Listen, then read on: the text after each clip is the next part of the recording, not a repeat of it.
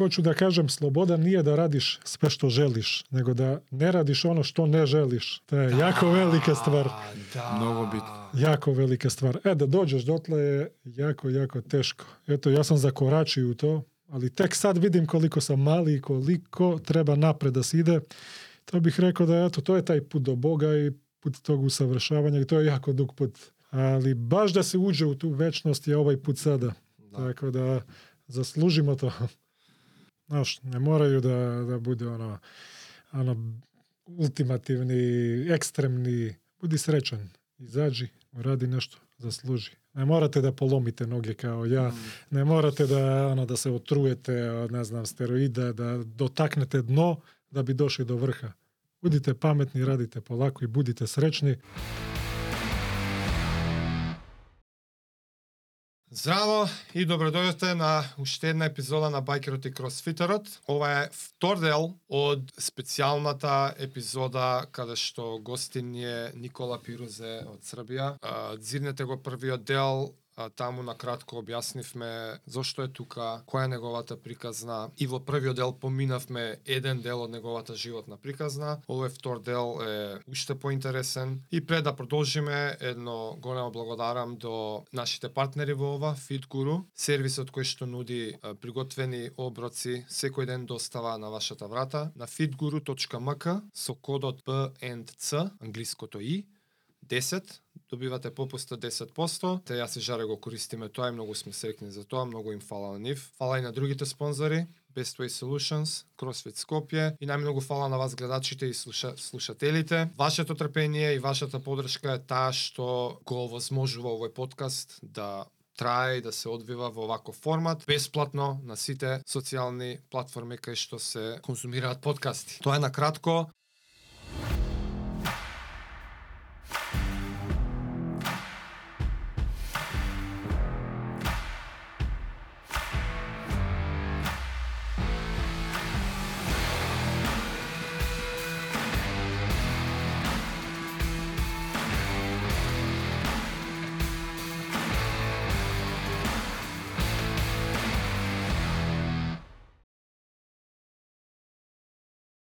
Никола, Идемо кол, дале. колку и да беше фасцинантна твојата приказна. Јас едва чекам да го слушнам вториот дел. Ја заклучивме приказната со пауерлифтингот. Тука некаде при крајот на таа пауерлифтинг приказна се запознавате и со Жаре, а, тренираш малку кросфит и во еден момент решаваш тоа е тоа со пауерлифтингот. Што се случува понатак?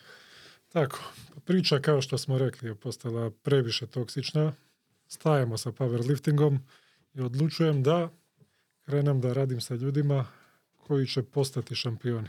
Da krenem trenerski posao, ali da onako, da to ne bude onako priča kao ja, nego da ja svojim iskustvom te ljude bukvalno dovedem do toga bez štete. Им Значи, скратиш пут. Tako, ne da im skratim put, nego da ne skrenu ovako На тоа мислам. Da, da ne bude toksično, tako je. Tako da odlučujem da pokrenem taj biznis preko Instagrama. Онлайн коучинг бизнес. Online coaching, da. За снага, за бодибилдинг, за што конкретно? Tako, ono, Фитнес? strength, fitness, conditioning, Jasno. tako nešto, ali tad je bila snaga, pošto nisam hteo da treniram onako nešto conditioninga, nikad u životu radio, razumeš? Аха. Ali opet sam imao iskustva s tim, eto, i Batić, što sam naučio nešto od njega, malo one crossfit, one vodove, Okej. ja sam davao ljudima, razumeš? Сеќам се, рекол Da, си. da, tako da ja učim od svakog, sve što naučim od tebe, što je dobro iskoristit ću. Tako da, ono, to je bilo to depresivno doba. I onako rekao sam mom bratu, ovako malo daljem bratu iz Skoplja, rođak brat, Братучет на македонски. tako, bratu. A, da, onako, da, me stvarno da, na on je bio, da, Brat da. iz tetke. Da, Da, da, tako, da. da. Tako da sam pričao s njim i rekao sam, ono, hteo bih da pokrenem posao, kako ću, šta ću. On mi je bio tu jedini u Skoplje to vreme. I on mi je rekao, nemoj puno da misliš. Prvo uradi, onda kalkuliši. I Viktore, hvala ti. Danas je to ono, jedan od najboljih saveta koje sam ovako od nekog mladog čovjeka dobio. Znači, nemoj puno da misliš. Ako je to to, kreni, a posle kalkuliši. Jer ako previše misliš, nikad nećeš da kreneš. Da li će to biti to, da li ću da uspem, da li ću da failujem, znaš, da li sam to ja, svi rade. Tako da sam ja, nisam čekao puno, poslušao sam ga. Sad kako da krenem, ja u to vreme ni telefon nisam mnogo imao, nisam bio ono javne mreže, ništa me to nije zanimalo. Tako da ajde, šta je to Instagram, kao da vidimo kako to izgleda, otvaram ja Instagram i kao to će biti platforma gdje ću ja svoj biznis da, Aha. da krenem, pošto je tad Instagram bio ono najpopularniji. Ja sad kako da napravim tu mrežu klijenta, malo sam ja to razmišljao. I rekao, dobro, ajde ovako, pošto svi prijatelji koji su mi bili u powerlifting, sam bio onako naj, onako nerd, sve sam htio da znam, ja sam im davao planove, ja sam ih trenirao. Ja sam im rekao, drugari, ja pokrećem svoj biznis za online coaching, ne treba da mi plaćate planove koje vam dajem i pomažem vam, ali ajde šaljite mi snimke malo, ja ću da pišem da ste mi klijenti, znaš, ono, stranci neće da znaju da, da si mi drug, nego, znaš, i ja sam počeo, znači, to, kako sam počeo taj biznis da radim, počeo sam na Instagram, ono, nađem poznatu stranicu, ne znam, powerlifting motivation, deadlift till I'm dead, ne znam, crossfit games, i krenem samo da zapraćujem onako ljude iz toga. Така. A prvo sam počeo da šerujem klipove, kao my client, world champion, we do this, this, onako sam opise malo stavljao čoveku i šta radimo, izbacivo klipove. Што ти праќаат Tako, da, ovi prijatelji, da, da. Stvari drugari, da, da, другарите. tako, tako. Jer moraš da daš nešto da bi dobio. Е, така I е. ja sam tako počeo da izbacim, svi su bili jaki, razumeš? I, Фремиум da, модел. Tako, tako. Ja sam počeo da izbacujem te klipove i u isto vreme da zapraćujem onako puno stranaca od ovih. Znaš, ono, zapratiš hiljadu, ne znam, otpratiš 500, 500 koji su ti zanimljivi, zadržiš. Tako da dok sam počeo tu mrežu da pravim, a pošto sam to onako jako lepo radio, opisivo, znaš, on je šampion, imao je, ne znam, tešku priču, sad se bavi time. Ljudi su počeli da hoće da budu deo toga. Znaš, neki nisu hteli mnogo ni da treniraju, htjeli su da budu na moju stranicu samo. Ja, plaćali su mi samo da, da, se, da tu budu. Tako da sam ja to krenuo da radim i to je bilo onako jako mukotrpno, jer kad kreneš ti od nula pratioca, ne znam, dođeš do 12-13 hiljada, tek tako. I otkuda to je bilo puno rada. Bukvalno sam radio ono po 16 sata dnevno. I to, je, to je bilo baš teško.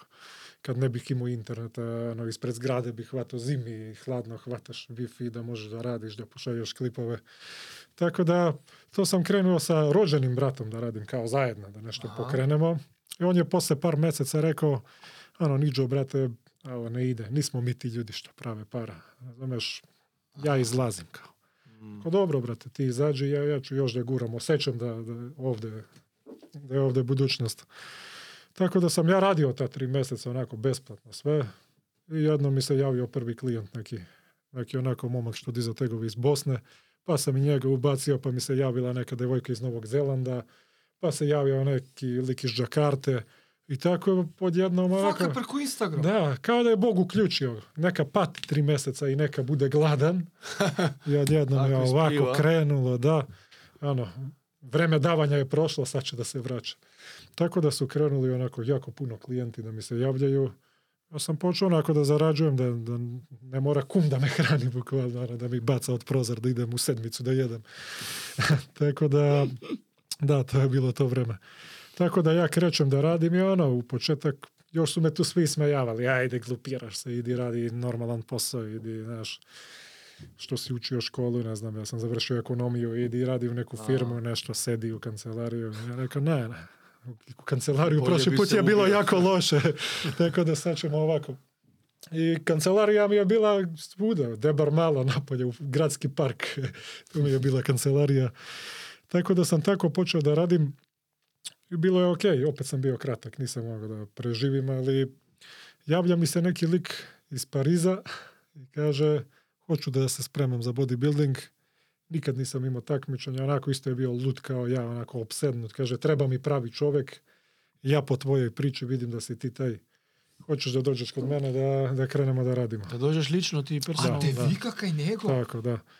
I ja to onako odmah prihvatam, postavljam neke svoje uslove, tražio sam onako puno para, hranu obezbeđenu, ono, bit ću kao kod njega. I sve sam mi to dogovorio i on mi se javlja neko brzo vreme preput, kao desila mi se katastrofa sa poslom, sa sve, izgubio sam novca, ja ne mogu da ti platim, vamo tamo i svi mi kažu ono, i to sam moje za savjet. Svi su mi rekli kao ono, ma pusti ga, gdje ćeš bez para, vamo tamo. I Se sjećamo si ti otišao? Da, da, otišao sam. I ja sam rekao čoveku, ne moraš da mi platiš za treninge. On kaže, mogu samo 50 eura mesečno da ti platim. Rekao, ok, neka bude 50 eura, ali mi pokri hranu dok sam kod tebe i stan da Ove osnovne stvari da, preživi. Ne moraš da mi platiš. Krov I svi su rekli, ti si budala, šta ćeš tamo za 50 eura? Ja sam rekao, ovdje će da se desi velika stvar odavde kad odem. Nije bitno. I ja bukvalno odem u Pariz, ono, onako, već sam počeo tu da imam neko zadovoljstvo u životu, da mi se vraća ono, sreća. Aha. Sam bio srećniji kad moji klijenti prave uspeh nego što sam ja ono pravio. Znaš, to je počeo, da, neko drugo zadovoljstvo. Počeo sam da stvaram zdrave ljude, ja sam već počeo malo onako psihički da očistio sam se od gluposti sve, počeo sam Mm. da ono za biznis sad, ajde da, da budemo neko, da budemo od akcije, da, da ne bude samo ono toksičnih stvari. I ja tu krećem, odlazim u Pariz, to sam otišao sa 5 eura u džep. sa 5 eura sam otišao u džep. Imaš ni za od aerodrom do... Pa ne, momak me sačekao uzeo. onako, uzeo me na aerodrom i to je bio ono, nije bio Charles de Gaulle, bio onaj Bove, to je 105 Da, da, km da, od bio Pariz. sam u Bove, da. A, u pizdu materinu tamo. Tako da lik me sačekao sa kola, ono, išli smo. Sad mi je to bilo onako ludnica u Pariz, ja sam to zamišljao. Naš Pariz, sve, kako smo mi ulazili u predgrađe, ono, sam rekao, gde smo? On kaže, pa evo ulazimo, Pariz je ovo, opština. A onako gledam razočaran, depresija, ono gore od ovog mog knjaževca u Srbiji. Znači, to je bilo ono raspad, ono selo neko, kako smo ulazili, jer je on bio na neku periferiju grada tamo. Onako bogato naselje, lepo, mirno, znači ono sve super. Ništa, ja odlazim kod njega, krećemo mi da treniramo, onako baš jako. I super nam je išlo u početku. Ti pišu u teretanu ili imao svoju kući nešto? Da, bio sam kod njega u stanu, onako, imao je Imao dobar stan sa balkon, ono, Ti bazen imao. živeš kaj Da, doma. živim kod njega, A da. gde trenirate? U teretanu, U teretanu privatno, da, da, da. Tako da, znaš, on mi baš nije rekao mnogo detalja. Posle mi kad sam već tamo stigao, posle nekog vremena počeli smo onako malo čudne stvari da se dešavaju. I on mi je rekao da ima dislekciju, razumeš? To je ono, poremećaj kao pamćenja ili sposobnosti učenja. Znači, momak je bio... Se mislim što ne može da čita ili da... Tako, da, malo da, da. sporije, da. I onda, pošto je živao sa suprugom, sa ženom, ja rekao, kako si upoznao ženu? On kaže, pa na, ono, na meeting za dislekciju. I on mi nije to rekao i to je malo nezgodno kad sa takvim ljudima da ishendluješ to. Čim nešto krene po zlo, njemu to izgleda hiljadu puta veće. Tako da, posle eto, prvih mjesec dana onako fantastične neke saradnje, to je počelo da bude onako jako, Downhill. jako downhill. A Ono. što počna se slučува? Pa počeo da se ljuti kako sam, pošto smo zajedno trenirali, razumeš? Aha, i ti si... Onda se ljuti. Da, da, počeo onako da... Možda sam, trenirao sam s njim, nisam samo njega trenirao, nego smo zajedno trenirali. I on je počeo da izlazi sa neke priče, ne daješ mi dovoljno fokusa, razumeš, ti treniraš dok mene treniraš. A to je bilo, eto, tad sam posljednji put ono, uzo steroide. Tad smo zajedno uzimali to, razumeš, Aha. u pripreme. On je uzeo da se pripreme i ja sam rekao, ajde da uzmem i ja malo da, da smo Podrška. Podrška. Ali ono, već sam bio, hendlovo sam to, već sam se onako psihički ojačao. Nije, nije bilo, da. Tako da sam malo uz njega išao i ja počeo da napredujem nenormalno mnogo jer sam imao tone i tone u životu pre toga, on nije. I ono, žena je počela da mu priča ovaj došao zbog sebe samo, razumeš, vidi koliko napredovo, ti ne napreduješ, to, to mu je trebalo, razumeš, da, da se razbesni. Ah, Još mi ono hteo da, da naruči steroide i ja sam preko nekih mojih ljudi, sve smo to do Pariza sam mu doneo, on platio mnogo hiljada eura, taj drugar što mu vozio sa kamion, rekao mu da mu zaplenili, a u stvari mu prodao to, prevario ga drug. Ovaj ostao bez para, odlepio onako skroz. I to se napravila opet luda situacija. Da, da. I ja sam to onako hendlovo, razumeš, ali je bilo teško. Čak sam i sa njegovom ženom učio francuski, ona bila profesorka. Kvalitetni ljudi. Znači, ono, ako imaš neki minus, ne znači da je minus. Možeš to da okreneš u jasno. svoju prednost. Kvalitetni ljudi samo, eto. Tako je to bilo. Ja u to vreme kako sam radio na Instagram, neka devojka, nisam ni znao u stvari da je devojka lajkovala mi sve onako postove. Bila je potpisana ono doktor Marten. Sam mislio da je ono neki muškarac, tako mi je zvučalo Marten kao muško. Jedno vreme je rekao daj da, jer ja sam je u stvari našao na Instagramu tako što sam pratio sve, pa otpratim ono, na stranicu neku random, Aha. razumeš? I ona počela da mi lajkuje i ja rekao, ajde da, da je zapratim, da vidim, da se otvori profil, da vidim ko je.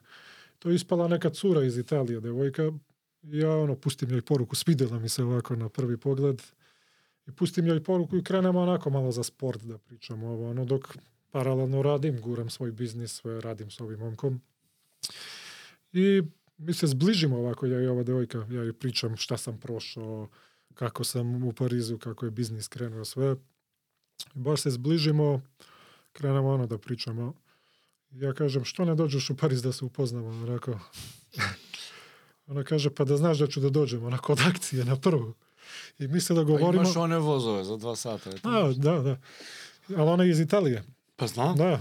A dobro, ona je bila ovamo, niže, nije na sever gore. Ma ima to, nema Da, ali dolazi u Pariz. uglavnom ja se dogovorim s njom, rekao radim s ovim momkom tri meseca saradnja.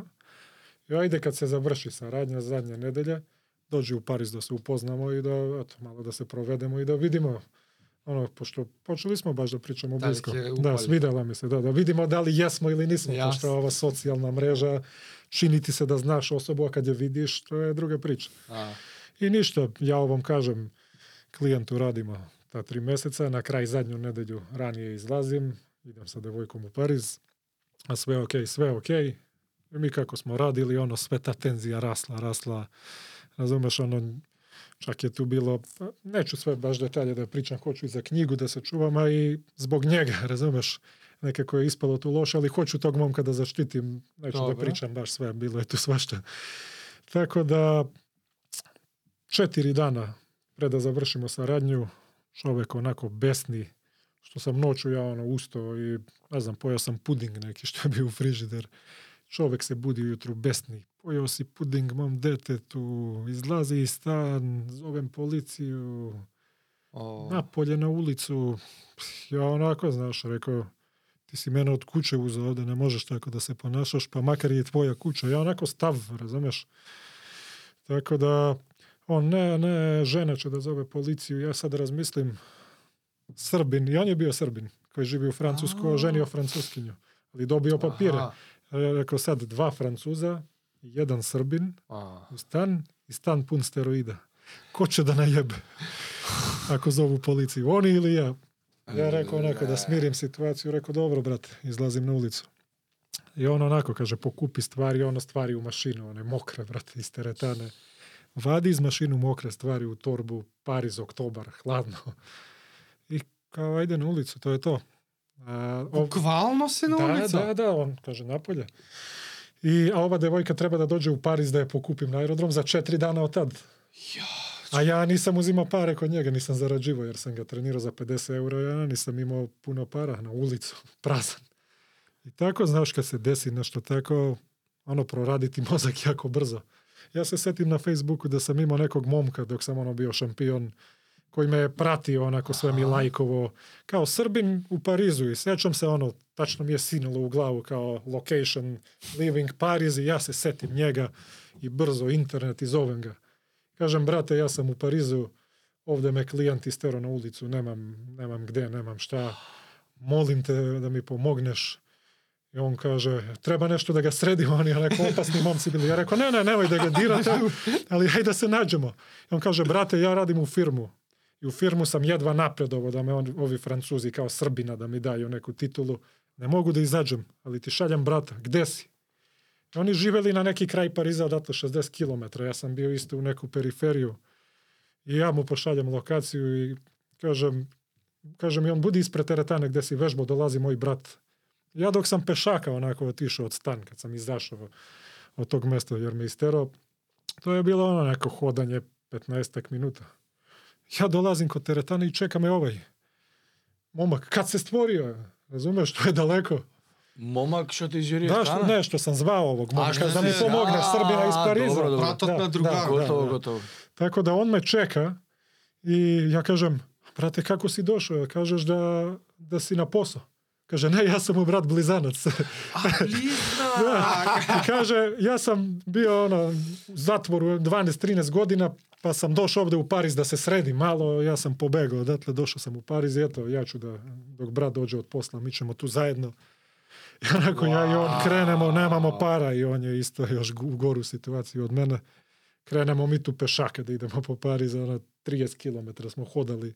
Кој си Такви- шта си? Da, takvi mokri, kroz neke arapske kvartove, a ja vučem torbu, onako, oni Arapi nas gledaju, či mogli da nas pobiju, razumeš? Ali smo imali ja i on face onako gadne, да се brade, onako, da, i onda nas to Ne- spasilo, ne bukvalno. diraj. Znaš, on je bio onako iz zatvora, izašao čovek, ako baš spreman, Znaš, vidlo mu se u facu ta, taj neki grind, a ja sam bio isto iz sporta, onako nisam se šišao ta tri meseca brio, bio sam onako kao divljak neki. Пештерски човек. Da, da.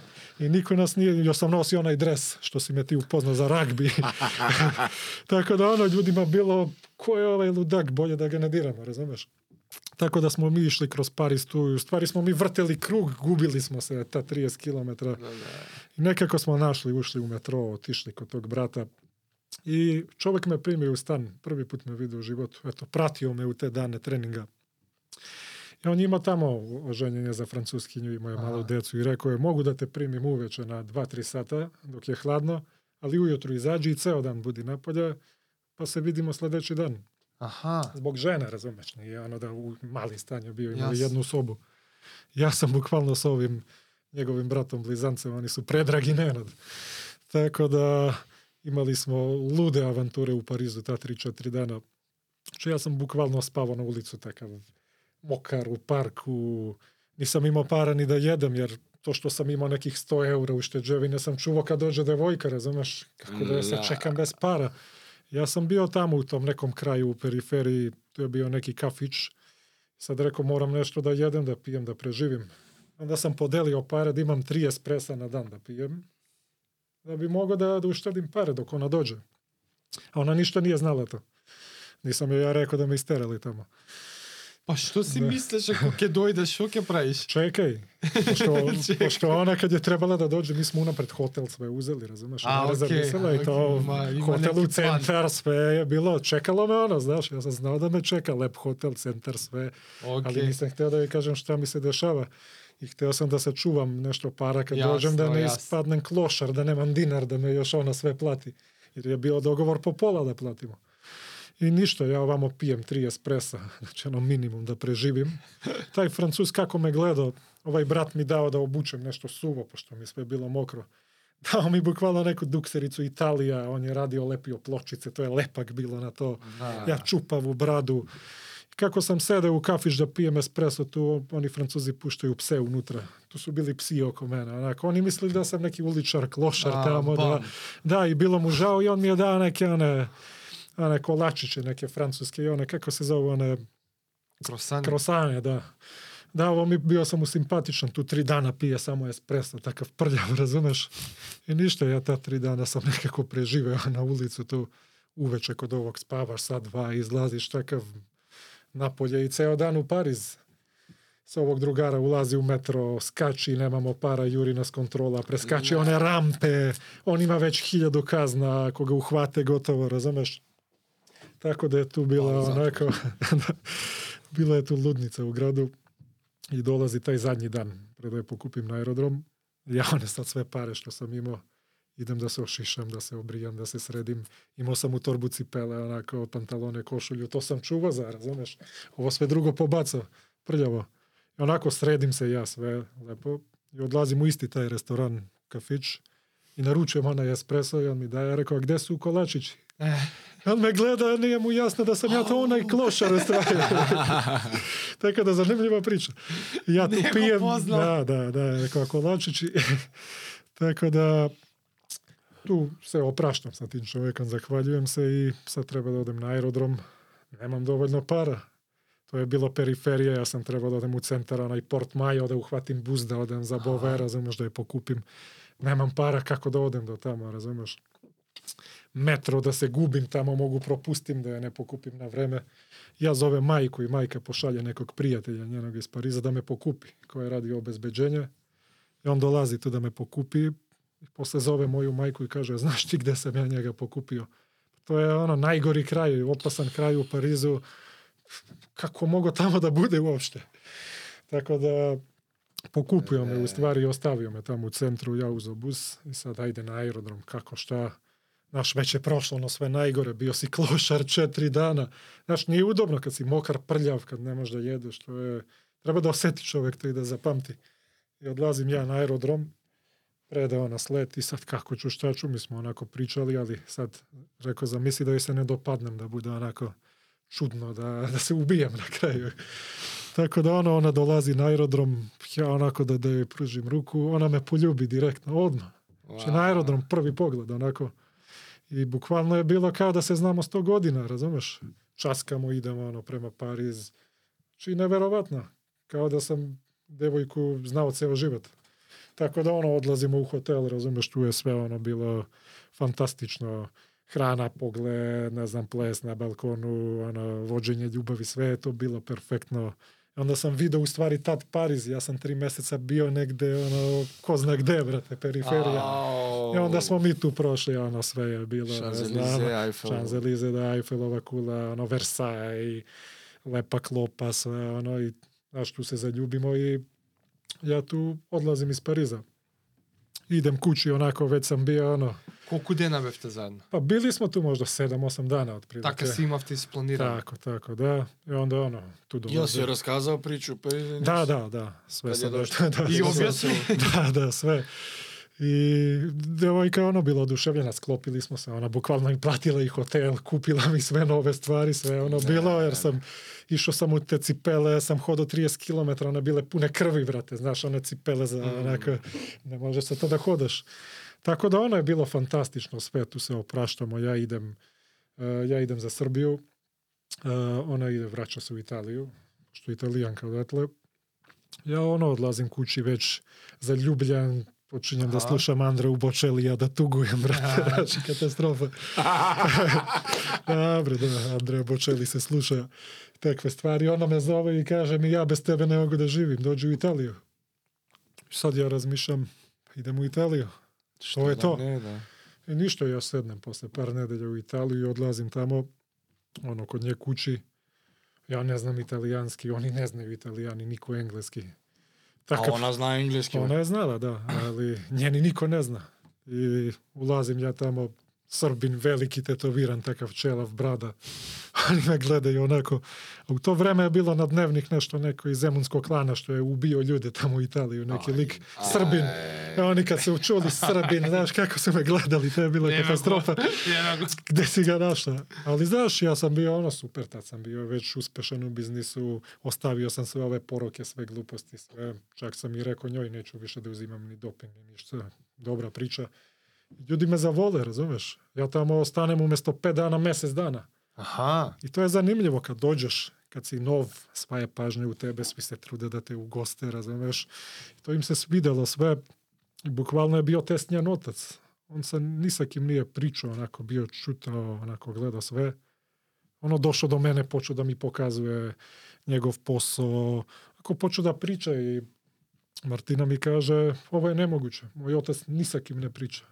Kaže, šta se dešava? Počeo čovjek sa mnom da se druži, bukvalno... прима полека, те Da, прима. a bukvalno sa sinom ne priča, ono, tako čuti samo. I sa mnom smo se tu združili, tako dva, tri puta sam ja odlazio, dolazio, ona došla u Srbiju kod mene da vidi Srbiju. Ono kad je trebala dođe ovde u Srbiju, u Skoplje sam je doveo. To je bilo čuvaj se tamo da te ne ubiju, da te ne kidnapuju. U stvari kad je došla ovde, ona se oduševila, razumeš, klopa, ono, Sarmečeva i gostoprimstvo ovde, ovde smo je vodili svuda, Да, да. Razumeš lepo, da. Tako da je to bila dobra priča i ja rekao, meni je teško više ovako da dolazim, da odlazim. Znaš, mora neki sledeći korak ili da ja guram karijeru dalje, jer sam imao otvoren ceo svet, bukvalno da idem. I ništa tu odlučimo da se venčamo, da bi bili uvek zajedno. Ja se ono, posle godinu dana oženim i pređem u Italiju. Znači, bukvalno ono, u Skoplje sam... Sećam se da si živeo Da, da. da. Znači, bukvalno se tu život iz korena menja. Znači, ovde je ono sve crno, razumeš, sve je loše bilo, znači, bukvalno ono bilo pred samoubistva sam bio, pokreće se život novi. Bukvalno tad saznajem kad sam otišao u Italiju, moj prijatelj s kim sam se takmičio, da izvršio samoubistvo. Znači, ja sam stao, i ostao sam živo, nije teo da stane i završio je. Ono, obesio se u teretani. Tako da. Tad sam shvatio u stvari, Мислиш Да. дека паднал во истите мрачни, bili smo u mračnu priču ja i on, ali ja sam odlučio da stanem ама него го da има... promenim, on je nastavio i eto, on je završio. lepo Ja sam način. ovde danas. Wow. Baš zbog takvih ljudi pričam ovu priču, zato što sa čekaj pet minuta. Razumeš? Јави се некоме, Da, питај. javi se, odi, pričaj s nekim, uradi. Pet minuta. Jedan sekund menja život.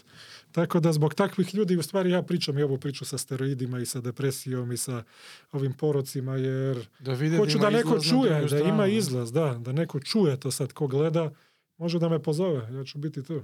Bilo kog. Tako da zbog toga najviše pričam, a ne sad ja nešto da pričam za steroide, jer je grozna priča svakako, ali baš zbog tih ljudi.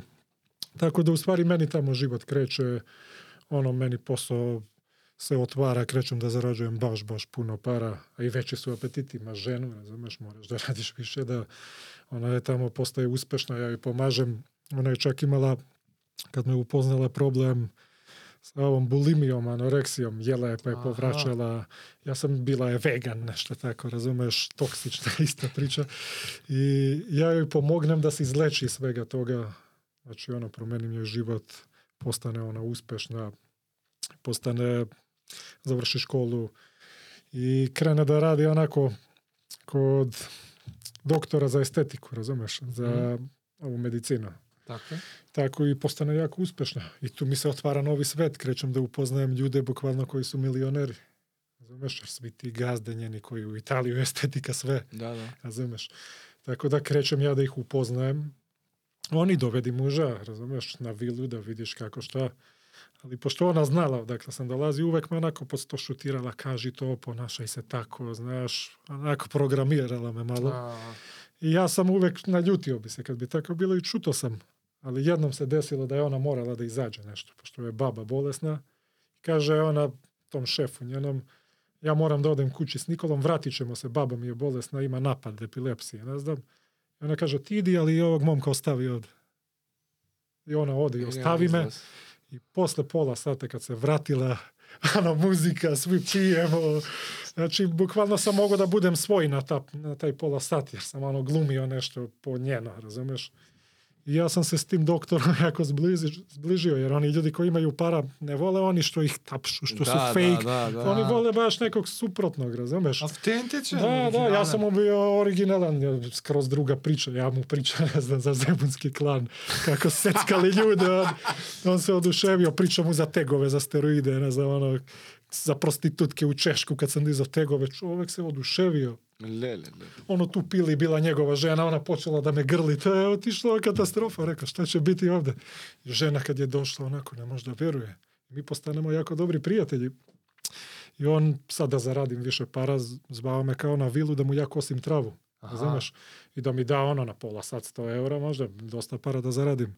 Sad ja sam imao taj mentalitet, jer njima se svi onako uvlače, razumeš, ono kako u Srbiju kažemo, u guzicu ti se uvuče Aha. da ono. Ja sam mu rekao, ja da ti kosim travu, druže. Pa ti živiš ovde u neko selo, ja sam iz Koplja, ti meni da kosiš travu. I on me gleda i nasmeje se i oduševi se, razumeš? Kaže, ti si dobar lik, ja ću s tobom.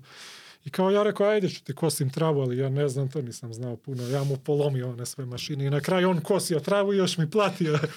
I mi tu postanemo prijatelji i on krene da me vodi u ter, naš, pošto to je sve estetika, vodi me u teretane kod prijatelja, da me pokaže, razumeš, Aha. posao mi tu raste. I krećem da, pošto sam sa zube, tu ima problema puno, ono, nemaš para, ali život, gubiš zube, razumeš, pokvareno to, žena, ajde da sredimo zube, razumeš. I upoznaje me ovaj doktor sa nekim doktorom italijanom koji je isto, ono, milioner. I, znaš, oni imaju takav život da imaju mnogo para, nemaju život. Tako da mora da ima nešto da se loži čovjek na nešto i ovaj htio da postane teniser. Kao, ono, ајде да, да ме тренираш, кондицијано хочу да будем профи тенисер, не питам колку кошта све. Ја га тренирам буквално како си ти мене да тренирам. Знаеш, он ме зове на вилу кој njega кучи, вади бифте, кана нас се једе. Знаеш, онај куча цела стакла, онако, ајде да ме тренираш. Ја му закачим бенд, он трчи по степенице, па му откачим, ајде спринтове, нешто кетлбеле. Он купио теретану сутра дана одма целу. Не. И ту ме плачу добро, разумеш, ја ту буквално за едну сесију тренинга зарадим Више него за месец дана, да. И ту wow. ми се посао отвара. Али тук рече е сад нека друга ствар. Комфорт. Комфорт. Значи... Ама ти уште тераш онлайн? Da, da, teram sve vreme. Sve, i to mi je je biznis plus. ogroman. Imam 50 klijenta, svi kontinenti, ono, ceo svet. Ali krećem i personalno da radim, ali odabrane ljude ovako, razumeš? Богаташ. Da, da. Tako da ono, И tu sam se, комфорт. За, tu sam se naložio da napravim ono milione, razumeš? Аха. Znači, kao što sam bio zaluđen za powerlifting, sad je ovo bilo, znači, biznis. Ali dolazi komfort, onako ceo život sam se mučio, razumeš koliko sam trenirao, koliko sam se patio, dijete, ajde ovo, kad smo bili deca, ono, u Srbiju, je bilo lako, razumeš, deda nas je primio i decu, mene i brata i decu moje tetke i ujke, pošto ima tri deteta, razumeš, svi se razveli, ono, deda nas izdržavao celu porodicu i nije bilo za sve, on je bio uspešan čovek, ali kad podeliš na toliko Так. ljudi, Осам ljudi. Znaš, da, na more se ono išlo jednom u životu, tipa, ono, Ulcinj majka otišla da radi tamo, ono, tri meseca da čisti đubre tamo da bi mi došli na more, razumeš? Sad ovamo u Italiji živiš na more, brate. Kreće И taj плаќају. Da, И добро ти da, плаќају. tako. I tu kreće komfort, ono, skupa hrana, restoran i ono, idi slikaj šta jedeš, šta piješ, upoznaješ ljude. Ja tu krećem onako, trenirao sam sve vreme, ali počeo sam onako da se gojim podosta, da ne budu to onih 140 kg kad si jak, Аха. nego počeo sam onako stomak. Znaš, i počeo sam loše da se osjećam. Čak sam razvio neko ono slip apneu, gušenje dok spavaš, jer sam Aha. se udebljao. Znači, ono nisam mogao da spavam, ispitivanja u bolnicu. To kad bi vidio sliku kakav sam bio u krevetu, onako jadan. Jedan dan sam rekao, s ovim sranjem je gotovo. Како е кренуо преокрет? У кој е ли имало Па- нешто што се десило или Pa, bolest. počeo sam da se ne osjećam dobro, razumeš, da ne mogu da spavam. Комфорт почна да ти пречи. Komfort je počeo da mi smeta, jer kad ne treniraš puno, kada... Туш na- некој немир. Da, nemir, razumeš, jer rekao, ja nisam Nesrećan ovo. si, a ja, sve ne, imaš. Sve imaš, a Не, nesrećan ја si. tako. нисам ово. Da, ja nisam ovo, razumeš, postao sam lik koji ono, ne trenira, koji nije ono grinder da izađe prvi ujutru, zadnji uveče da uđe, razumeš, kad je mrak. Znači, postao sam komfortan. I taj komfort je u stvari počeo da mi izaziva mnogo veliki diskomfort, razumeš, počeo sam da se osjećam jako loše sam sa sobom. Razumeš, тоа- čak тоа možda i е- gore dok sam bio u onim svim problemima kao powerlifter, tad sam bio uspešan, Da. a ovako sad kao uspešan trener pravi para, a ono postaje svinja, razumeš, neka. Tako da ono udebljo se, razumeš. I onda To- sam to je rekao, to ja nisam, nemir. da, da, duhovni nemir. Taj glas je bio uvek tu, razumeš. М, Ko si bio, a šta postaješ sad, Da. razumeš. и како Tako е da je- sa Италија више што се дешава? I tako kako sam dizao tegove žene je bila ponosna, znaš, ono, svetski šampion, diži, budi jak i dalje sve, ali ja jedan dan samo mi se smučilo da mi bude loše i izašao sam da trčim. Tako. Znači, tek tako, iz kuće sam izašao da trčim, jer je to bila Peruđa, grad Italija, onako brdski, planinski grad, prelep. Znaš, mi smo bili na periferiji, prelepo za trčanje, staze lepe, ono, trailovi. Ja izašao tek tako da trčim. I prijelo mi. Onako, sloboda. Nisam osjećao ni one, ni one crne misli. Nije mi ni trebao komfort. Nisam bio gladan posle trčanja. Lepo mi je bilo, slobodan. Znaš, trčao sam prvi put možda 10 km. A nisam trčao možda 10 godina. Ja rekao, čoveče, ovo je dobro. A iću trčim i sutra. Ja izašao i sutra. I preko sutra. Da, da. I tu sam, tu sam bukvalno, znaš, malo je došla kriza, razumeš, počela da me bole noge, sve. I ja kažem, možda nisam ja za trčanje. Ajde, počeo sam da gledam malo YouTube i naložio sam se na obaranje ruku. brate. Ау, Arm сеќам се, wrestling, da, dok sam bio u Italiju. I ja bukvalno ono, ludak odmah tražim od njenog ocu, ide da podrum, dajte mi podrum, kupujem teretanu odmah, sve odlazi, dekatlon, oprema, sve kupuj, zovi najbolje ljude da me uče, uzmem iz Rusije nekog trenera, ludaka za obaranje ruke i krenem da treniram onako bolesno u podrum po 10 sata dnevno. Postanem dobar, čak sam obarao ovde na, u Srbiju sa među najjačim takmičarom koji mi je drugari koji ima ono mrtvo dizanje raf 400 kila, znaš. Jako brzo sam došao tu u igru odmah, što kad si ujedno šampion, znaš da upadneš brzo. Čak sam u Italiji obarao sa svetskim prvacima, sam počeo da treniram. Вау. Ali je to bilo, znaš, taj sport treba da kreneš kad si mlad, kad si dete. Ne bi nikad stigao do ni blizu nivoa kao powerlifting. Znaš, ono, uvek te bole ruke, to se na sto obaraš po 10 sata. Bukvalno odem na more, ne mogu da plivam, ono, ruke me bole, plačem u pesak. Tako da, znaš, sviđalo mi se to, ali sam vidio da opet treba da odem onaj ekstrem kao što je bio powerlifting, da sam povređen, da je to toksično, da, da budem nezadovoljan. Jer sam opet htio da budem najbolji, a kad hoćeš da budeš najbolji, to Opet se onako- tražio neku Da, ekstremu da, nešto. da. Što je to? E, pa to je taj glas neki. Da. Ali tek ću sada nađem slobodu kroz ovo trčanje. I ja kažem, ženi staću se ovo, ne sviđa mi se, opet dodajem jaki lažu, nije to. Nastavljam ja da trčim. I trčao sam bukvalno, evo kao što si mi ti rekao za tvoj prvi Za polumaraton. Trčao sam bukvalno 6 km, 10 km drugi put i treći put 15 km. I prijavio sam se za polumaraton. Znači, bukvalno... Mi. Da, da. I istrčao sam, ne znam, za 2 sata i 9 minuta. Mm. Znači, ono bez trčanja. Tri puta sam istrčao to. I sad žena tu, već smo počeli malo onako da se raspravljamo oko sporta. Ja sam već počeo tu da treniram previše, da joj ne posvećujem vreme, jer ovo trčanje je počelo da mi se sviđa. Sad dva sata i devet kad sam otišao na tu trku, nisam znao ništa. Patike ti treba, otišao ja u neki outlet, kupio Nike, ne znam, nešto, 17 eura, neke tanke. Da. Ja odlazim na trku, onako ogroman, gledam ljudi imaju sve neke patike tako tolike ogromne. Rekao, šta nose ovi na nogama, one znaš, trkačke kakve Ima su za razne, trčanje, neke šarene, takvi stari ljudi u majice, onako, ono bio zimski neki polumaraton. Oni svi u majice, ja se tresem, onako kad se ja obučen. I dok sam trčao, bukvalno sam trčao sa nekom babom, brate. I celu trku baba ispred mene 10 metra i kad Prati probam da je stignem, umre me Teško. baba i ako je stignem, nema da završim trku. I onako do negde 200 km sam pratio ja tu babu i rekao zadnji kilometar daj bar babu da pobedim. I ja stižem tu, žena me čekala na cilj tu, ono, ovi što su najbolji dolazili za sat, sat i po, a žena nije se bavila trčanjem, nije znala, ona kaže, ja te čekam, čekam, nema te, dolaze starci, tebe nema. Ja Baba onako, ide. Da, baba, babu sam stigao. Stigao si, jedva. Onako bio sam ugrčan, listovi mi se stegli, onako sam trčao prepad, brate. I Stigao sam babu, ne znam, zadnji 500 metra. I ulazim tako u cilj i ona kao, kao šta se raduješ čoveče, starci te pobedili ovo ono. Rekao, dobro, vidjet ćeš. Tako mi rekli u teretanu za 70 čučanje. Tako da ja rekao, vidjet ćeš, okej. I ja tu, kakvu sam tu neku slobodu osetio, bukvalno to je bilo ono, nova neka životna energija. I nije ti trebalo ništa puno. Doping ti ne treba.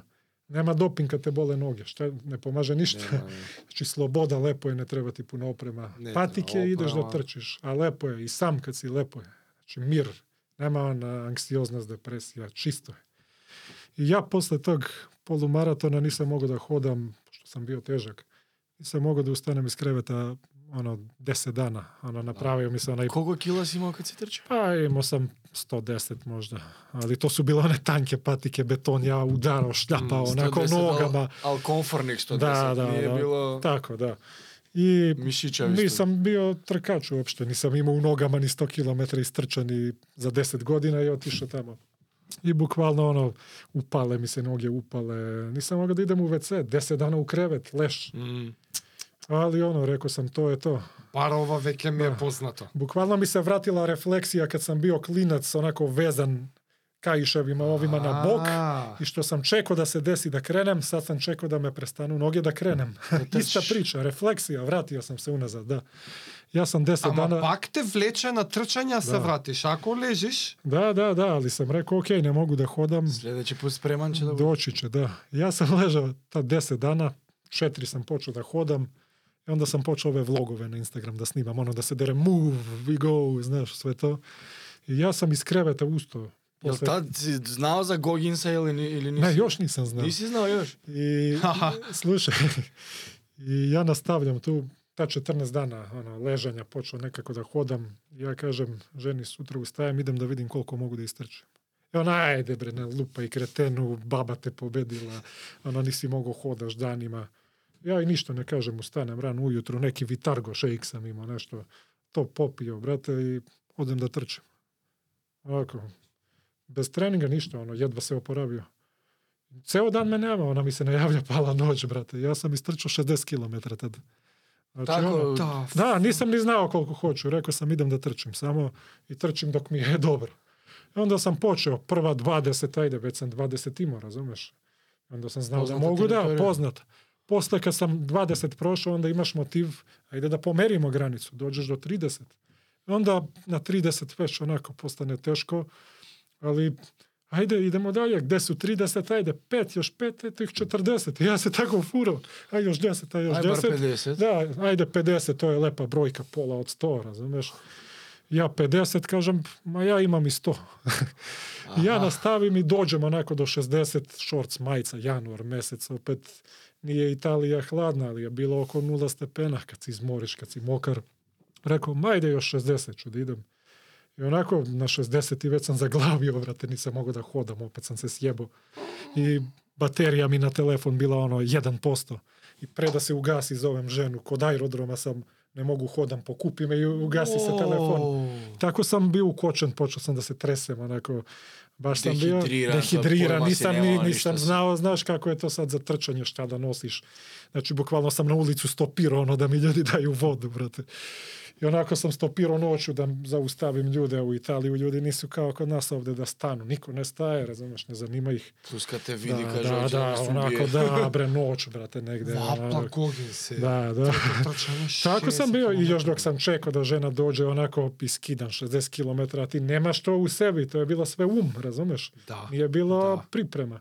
Ja se ukočio od Da. hladno da ne mogu da ustanem, lego sam pored ulicu u, ono, u travu neko tamo I kad te sakupilo, i žena došla srećom, našla me tu, a našla me na, našla me na 2-3 km od kuće, a nisam mogao da ih hodem do kuće. Znači ne znam da mi je neko pištolj stavio u glavu, ne znam da li bi stigao kući. Možda da puzim onako. I ona tu ljuta, onako, kretenu, ubacivala me ona u kola. Znaš, onako, za rame i Da. kretenu, ona me psuje, razumeš, da pogineš, zašto to sve radiš? A ja, brate, ovako nasmejan, oduševljen, onako, ponosan. Kući dolazim njeni kao Nikola, šta se dešava, kao, zašto ovo? Ja oduševljen, onako, ne mogu da ustanem stolicu, ovako se tresem. Ja, Zašto? Zašto si oduševen, a Zato što- uništen? Zato što sam ta, ne znam, 10 sata sam išao napolje, ta 10 sata nisam imao jedan problem.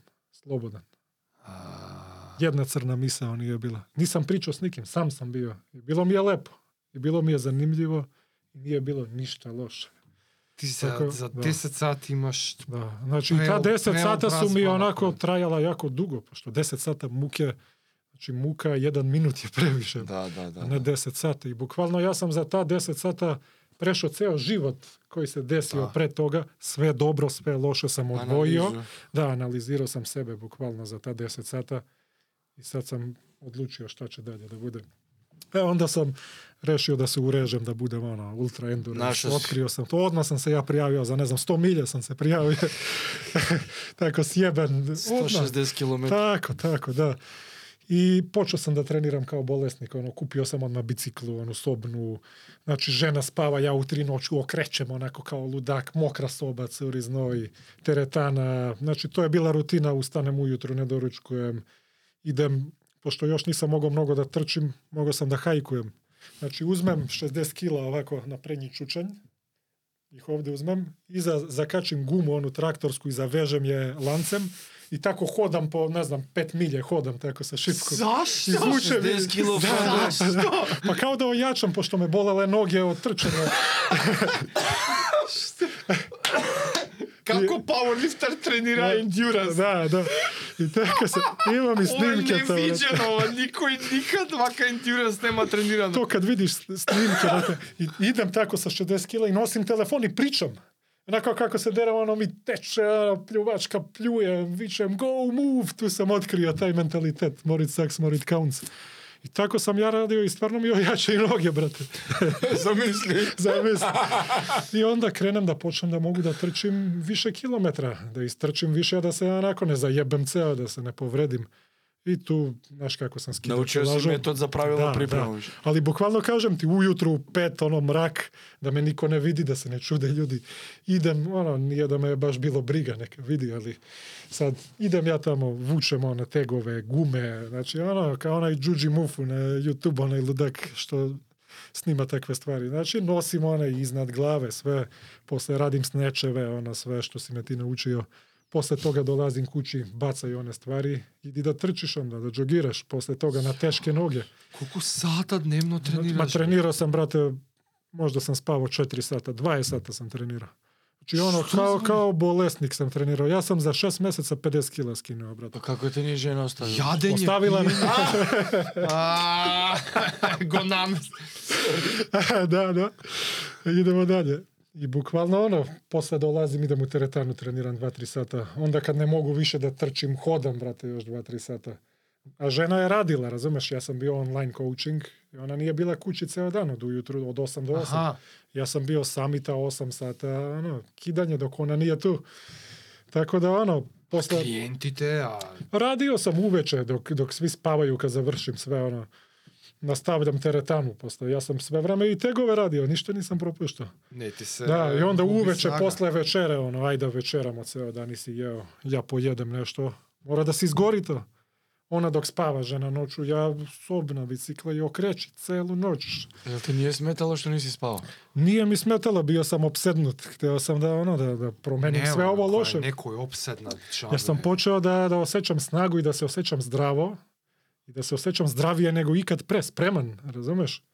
Ti skineš 50 kila, Letiš. letiš, nije ti ništa teško, ujutru lako ustanem, nisam slomljen, Ne boli razumeš? te kičma. Da, da, da, onako, počeo sam zdravo da se osjećam, znaš, nisam, trčao sam i u kuću, pošto ona imala tri sprata kuću. Ja sam na stepenice onako trčao po, po dva, tri sata, njena majka se čudi. Kao, znaš, a ženi to počelo, počelo je sve da ih nervira koliko sam jako Mm. radio. Jer oni, znaš, to je hard work, ljude tera da sve što bi oni hteli da budu, a ne smeju vide u tebi i kreneš da ih iritiraš.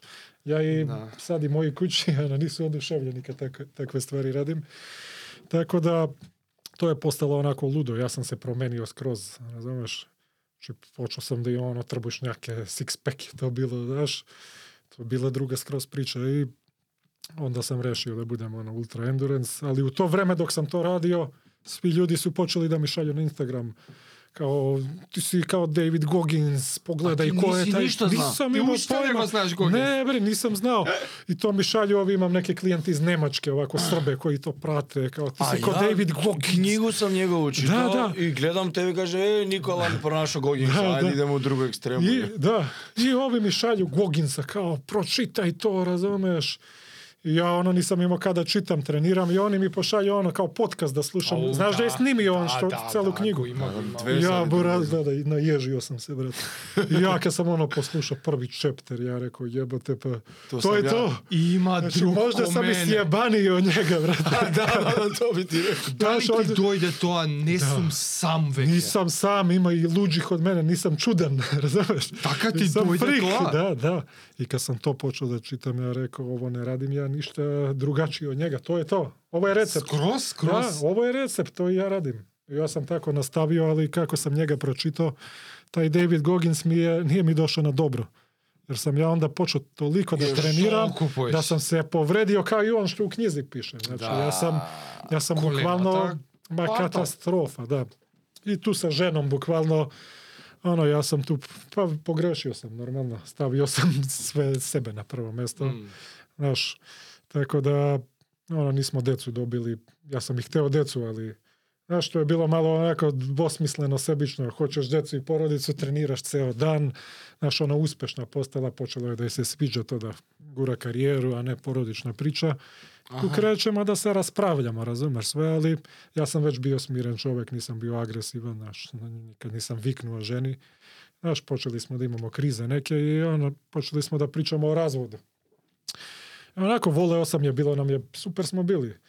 Ja rekao, ajde odem ja malo da iskuliramo, da odem ja na Maltu, pre da počne ovaj COVID korona. Da odem na Maltu jer smo bili na letovanje, svidelo je se tamo sve Srbi, Makedonci, razumeš? Bukvalno kao da si u Niš, razumeš? Lepo je na Maltu.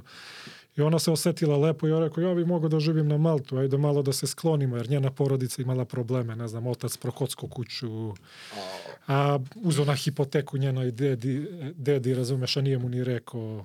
Znači, tu počeli veliki problemi, hteli da ih isteraju, ono, kuća se prodaje, ти живиш у njemu. a deda ne zna ništa, razumeš, Da. lažu ga. I ona tu, tu smo se počeli svađamo, razumeš. Ja rekao, daj da se sklonimo, to nam utiče na brak, svađe, razumeš. Tako da, Ona počela tu da priča, ma vi Srbi sad vama tamo. Fora na kraju kuću kupio Srbin, brate, neki odbojkaš koji igra za Peruđu. O, Ja rekao, eto sa Srbima kad imaš posla. Tako da ja odlazim na Maltu i kažem, ajde malo da se razdvojimo, mjesec, dva. Idem ja da trčim maraton na Maltu. Vratit ću se i da probamo nešto za a život. sam ideš na Malta? Sam, da, ona nije htjela da dođe.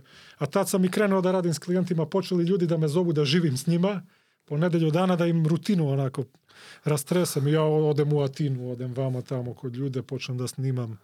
To je bilo ono ludnica. Četiri ujutru ustaju. Da, tako sam radio s ljudima. Primi me u kuću, budim ga u četiri noću, ajde, trčanje. Pa ja ne trčim powerlifter sam. Boli me uvo, bre, trčiš. ono, u more, kupanje u januar, da. Čak i u Grčku, to kad smo bili, jedna dobra priča. Odbeo me lik kod neko, ono ima grip strength sport, neki arm lifting. I vodi me kod jednog Grka, taj powerlifter drugar što je bio isto u depresiju i zvao me da ga izvadim. Razumeš? I od, mi smo radili veče pre toga 600 zgiba, možda 700. Idem kod tog da probamo takmičenje. Ima jedna ploča, onako, LA ko ona tanka, i na jednu stranu je mazna, na drugu imaš milimetar onako za grip. I treba da je podigneš 25 kila i da je držiš i ko najduže drži. I on me upoznaje s, tom, s tim Grkom u Atinu. To je jedan lik onako duplo veći nego što sam ja bio kad sam bio ono u prime. Diže, ne znam, 350 na mrtvo. On je šampion u tome. Ja htio da probam. I šale. I ja pitam ko je najjači ovdje? On kaže ja. Koliko držiš ploču?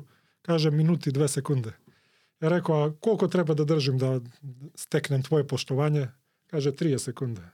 I ovaj Grk, moj drugar, i on je bio šampion u bench pressu, tri puta ne može da je podigne uopšte. I podigao i držao 10 sekunde. Ja rekao, jel mogu samo da pipnem prvo, da dignem jednom i da krenem, kaže, može bre, slobodno, gledaj koliko hoćeš. hoćeš, Neće da. to da ti pomogne ništa. Ја подигнам оно, брате, ко добар дан. Како бе, Гледа, 15 секунди, он, окей, као, 15. 30, он каже, е, са те поштујам. 37, 45. Опа, више га загрозуваш. Он ме гледа, долази минут, минути 1, минути 2, обара му рекорд на минути 6. И on kaže, imam na kameru snimak, kaže, ovo je najjači rezultat u Grčku svih vremena u grip holdingu. I kaže, a št- kako si se spremao? Ja rekao, ma ja to se ne bavim juče, Ja radio trčim. zgibove, trčao sam sa ovog u šest ujutru. on kaže, svaka ti čast koja je tajna. Ja kažem, to zahvali mom dedi, kad smo mi bili u Srbiju, deda nas je vaspitao to, radna etika. Davo nam je sve, ali smo morali da radimo. Zamisli kao malo dete na minus 20 u Srbiju. Treba da Cepiš cepaš drva i da ih uzimaš onako zamrznuta drva, da ih podižeš i da ih bacaš tako. Razumeš svako jutro. Ja rekao, zato imam taj grip, razumeš? Tako da, to je bila ludnica, počeo sam da putujem svuda i to je bilo super život, ali eto sa ženom je to počelo da se kvari. Ja odem na Maltu Nešto puka. i uradim taj polumaraton i više ne trčim s babama, brate. Počeo sam da trčim dobro. Sa atletičarem. Da, da, da, sad sam ne atletičarima, ali onako nisam bio više onako smešan. Ali tad se ono dešava korona i zatvaraju se granice da ja ne mogu da dođem nazad u Italiju. Zatvoreno Ti sve. si u Malta zatvoren. Da, za, za, zatvoren sam na Maltu. A ja sam došao kod sestre tamo, sestra mi je radila na Maltu. U Srbiju ne može da se ode nikako, razumeš? U Italiju nazad ne mogu, crvena zona, ono kad su umirali Da, puno ljudi. Znaš kad je ono bilo da, da, da, da. da, da. I ja sad šta ću, kako ću, ja kažem, ženi ostajem tu na Maltu. Ajde, kako što je, tu ću. ja buraz, ono, cela korona, kao sve katastrofa. Ja šest mjeseca se sunčam na plažu. Počeo sam da treniram s triatloncima tamo, da plivam open water, ono, po pet kilometra, Sve Mediteran. otvoreno trčanje, Sve, niko te ne plivanje, dira. ništa nema. Kakve restrikcije, dođi u more na pet kilometra da mi udariš restrikcijima, da te udavim, brat. Tako da sam se naložio na triatlon, tu počeo da trčim, da vozim biciklu, uz to trčanje, razumeš? I bukvalno, eto, ta nedelja kao da ostanem tu, ja ostanem pola godine na Maltu. I sad sa ženom smo se čuli, ona sve, A ali online biznis ide sve ide fura, ja od toga živim na Još Maltu. bolje da Još bolje, je cvetalo, da. Jer kako sam mogao da ostanem na Maltu bez biznis, bez Da, para, da, da, bez da, da. I tu sa ženom se čujemo i kao da se vratim ja u Italiju kad sve to prolazi. Ona kaže, nekako mi bolja sama. Ja joj kažem, pa nekako i meni ovako bolje, ali htio bih da nastavimo, da. I ono, tu mi je rekla, ne, ništa. To, palo mi to teško, onako, plako sam jedan dan, ali jedan dan sam dozvolio da budem slomljen i rekao sam, idemo dalje. Ali me je pogodila onako ta cela priča, evo sad kad pričam lepo mi je kad se vratim na ono Pariz, sve kako je počelo. I ja biram onaj neki let organizovan da se vratim kući u Srbiju. Ali sam se na na Ironman opasno. Što noge ogromne, jak čučan, biciklu, onako vozim ko Mm. ludak, kakvi 100 km, to ne osjećam. I dolazim u Srbiju direktno od aerodrom, pokuplja me drugar, idem u Novi Sad, daj Vilar biciklu odmah, trkačka, odmah od aerodroma. I dolazim kući, ali ono, nisam vozio takve bicikle nikad, ono, tera sam neki mountain bike pre toga, 20 godina pre toga, nisam znao ni da vozim. A ti si imao onako... Ma, no, pro, Čekaj, brate, izvini, Wheeler bicikla je neki kurac u bicikla sve. Pa, onako, Hillier, da, dobra- kvalitetna dobar marka, da, ne znam, kao. KTM, tako nešto, možda Da, je da. malo ispod, ali kvalitetna, onako tanke gume, brza. Ko što treba. Da, ja I- odem da naštelujem to i drug kaže, nemoj mnogo to da voziš odmah, skonta je prva malo brzina, ona sve, ona udaraljka, sve, skonta i kako šta. Rekao, ma skonte ću ja to usput i krenem ja prvi dan, ne znam, stotku izvozim. I drugi dan idem onako u kanjon da vozim, ali tu sam već bio u depresiju, počela žena da mi fali, onako, sećanja se vraćaju. Onako, sam- emocionalnu. da, depresiju. emocionalno. Bio sam zdrav, sve ono, biznis sam vodio, pomagao porodici, sve, ali, znaš, bilo mi je teško, onako, falila mi žena, znaš, Što je normalno. normalno. Tako da, znaš, počeo sam Boga da pitam, ona, da li ovaj život vredi, ne znam da li hoću i da grindujem više sve i odem taj dan u kanjon. Onako, bukvalno s bratom sam igrao, ono, video igrice, ja to ne volim, ali eto, taj dan sam seo. I kao, idem da vozim, moram da vozim bicikl i on kaže, ajde, be, propusti jedan dan. Ja kao, ajde neću, igramo. I opet drugi put kao da odem, on kaže, zajebi, odmori jedan dan, igraj sa mnom igricu. Ja treći put ostanem i odem da vozim. И у тај кањон буквално сам ухвати убрзање ненормално. Тоа су биле кривина, нисам знаел пут, песак ја био поред пута. Ја на она нисам знаел брзину да променим, падна ми ланац. На низ брдо то крене да се, да, знаш кад да, се да. обрче онако брзо. Да. Ја буквално оно ишо се можда преко 60 на сат. Сад да кочим нагло, ако рекох ако паднем на бетон на ту брзину има да се цео огулим.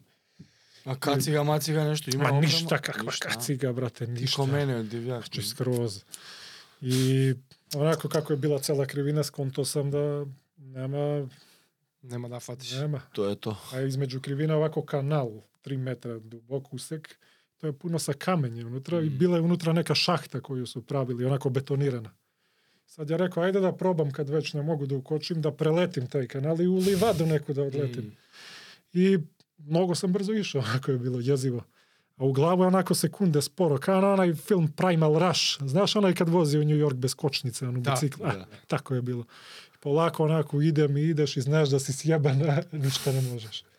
Ja onako baš pre kraj, pred izletim sam malo ukočio da smanjim možda negdje na oko 40.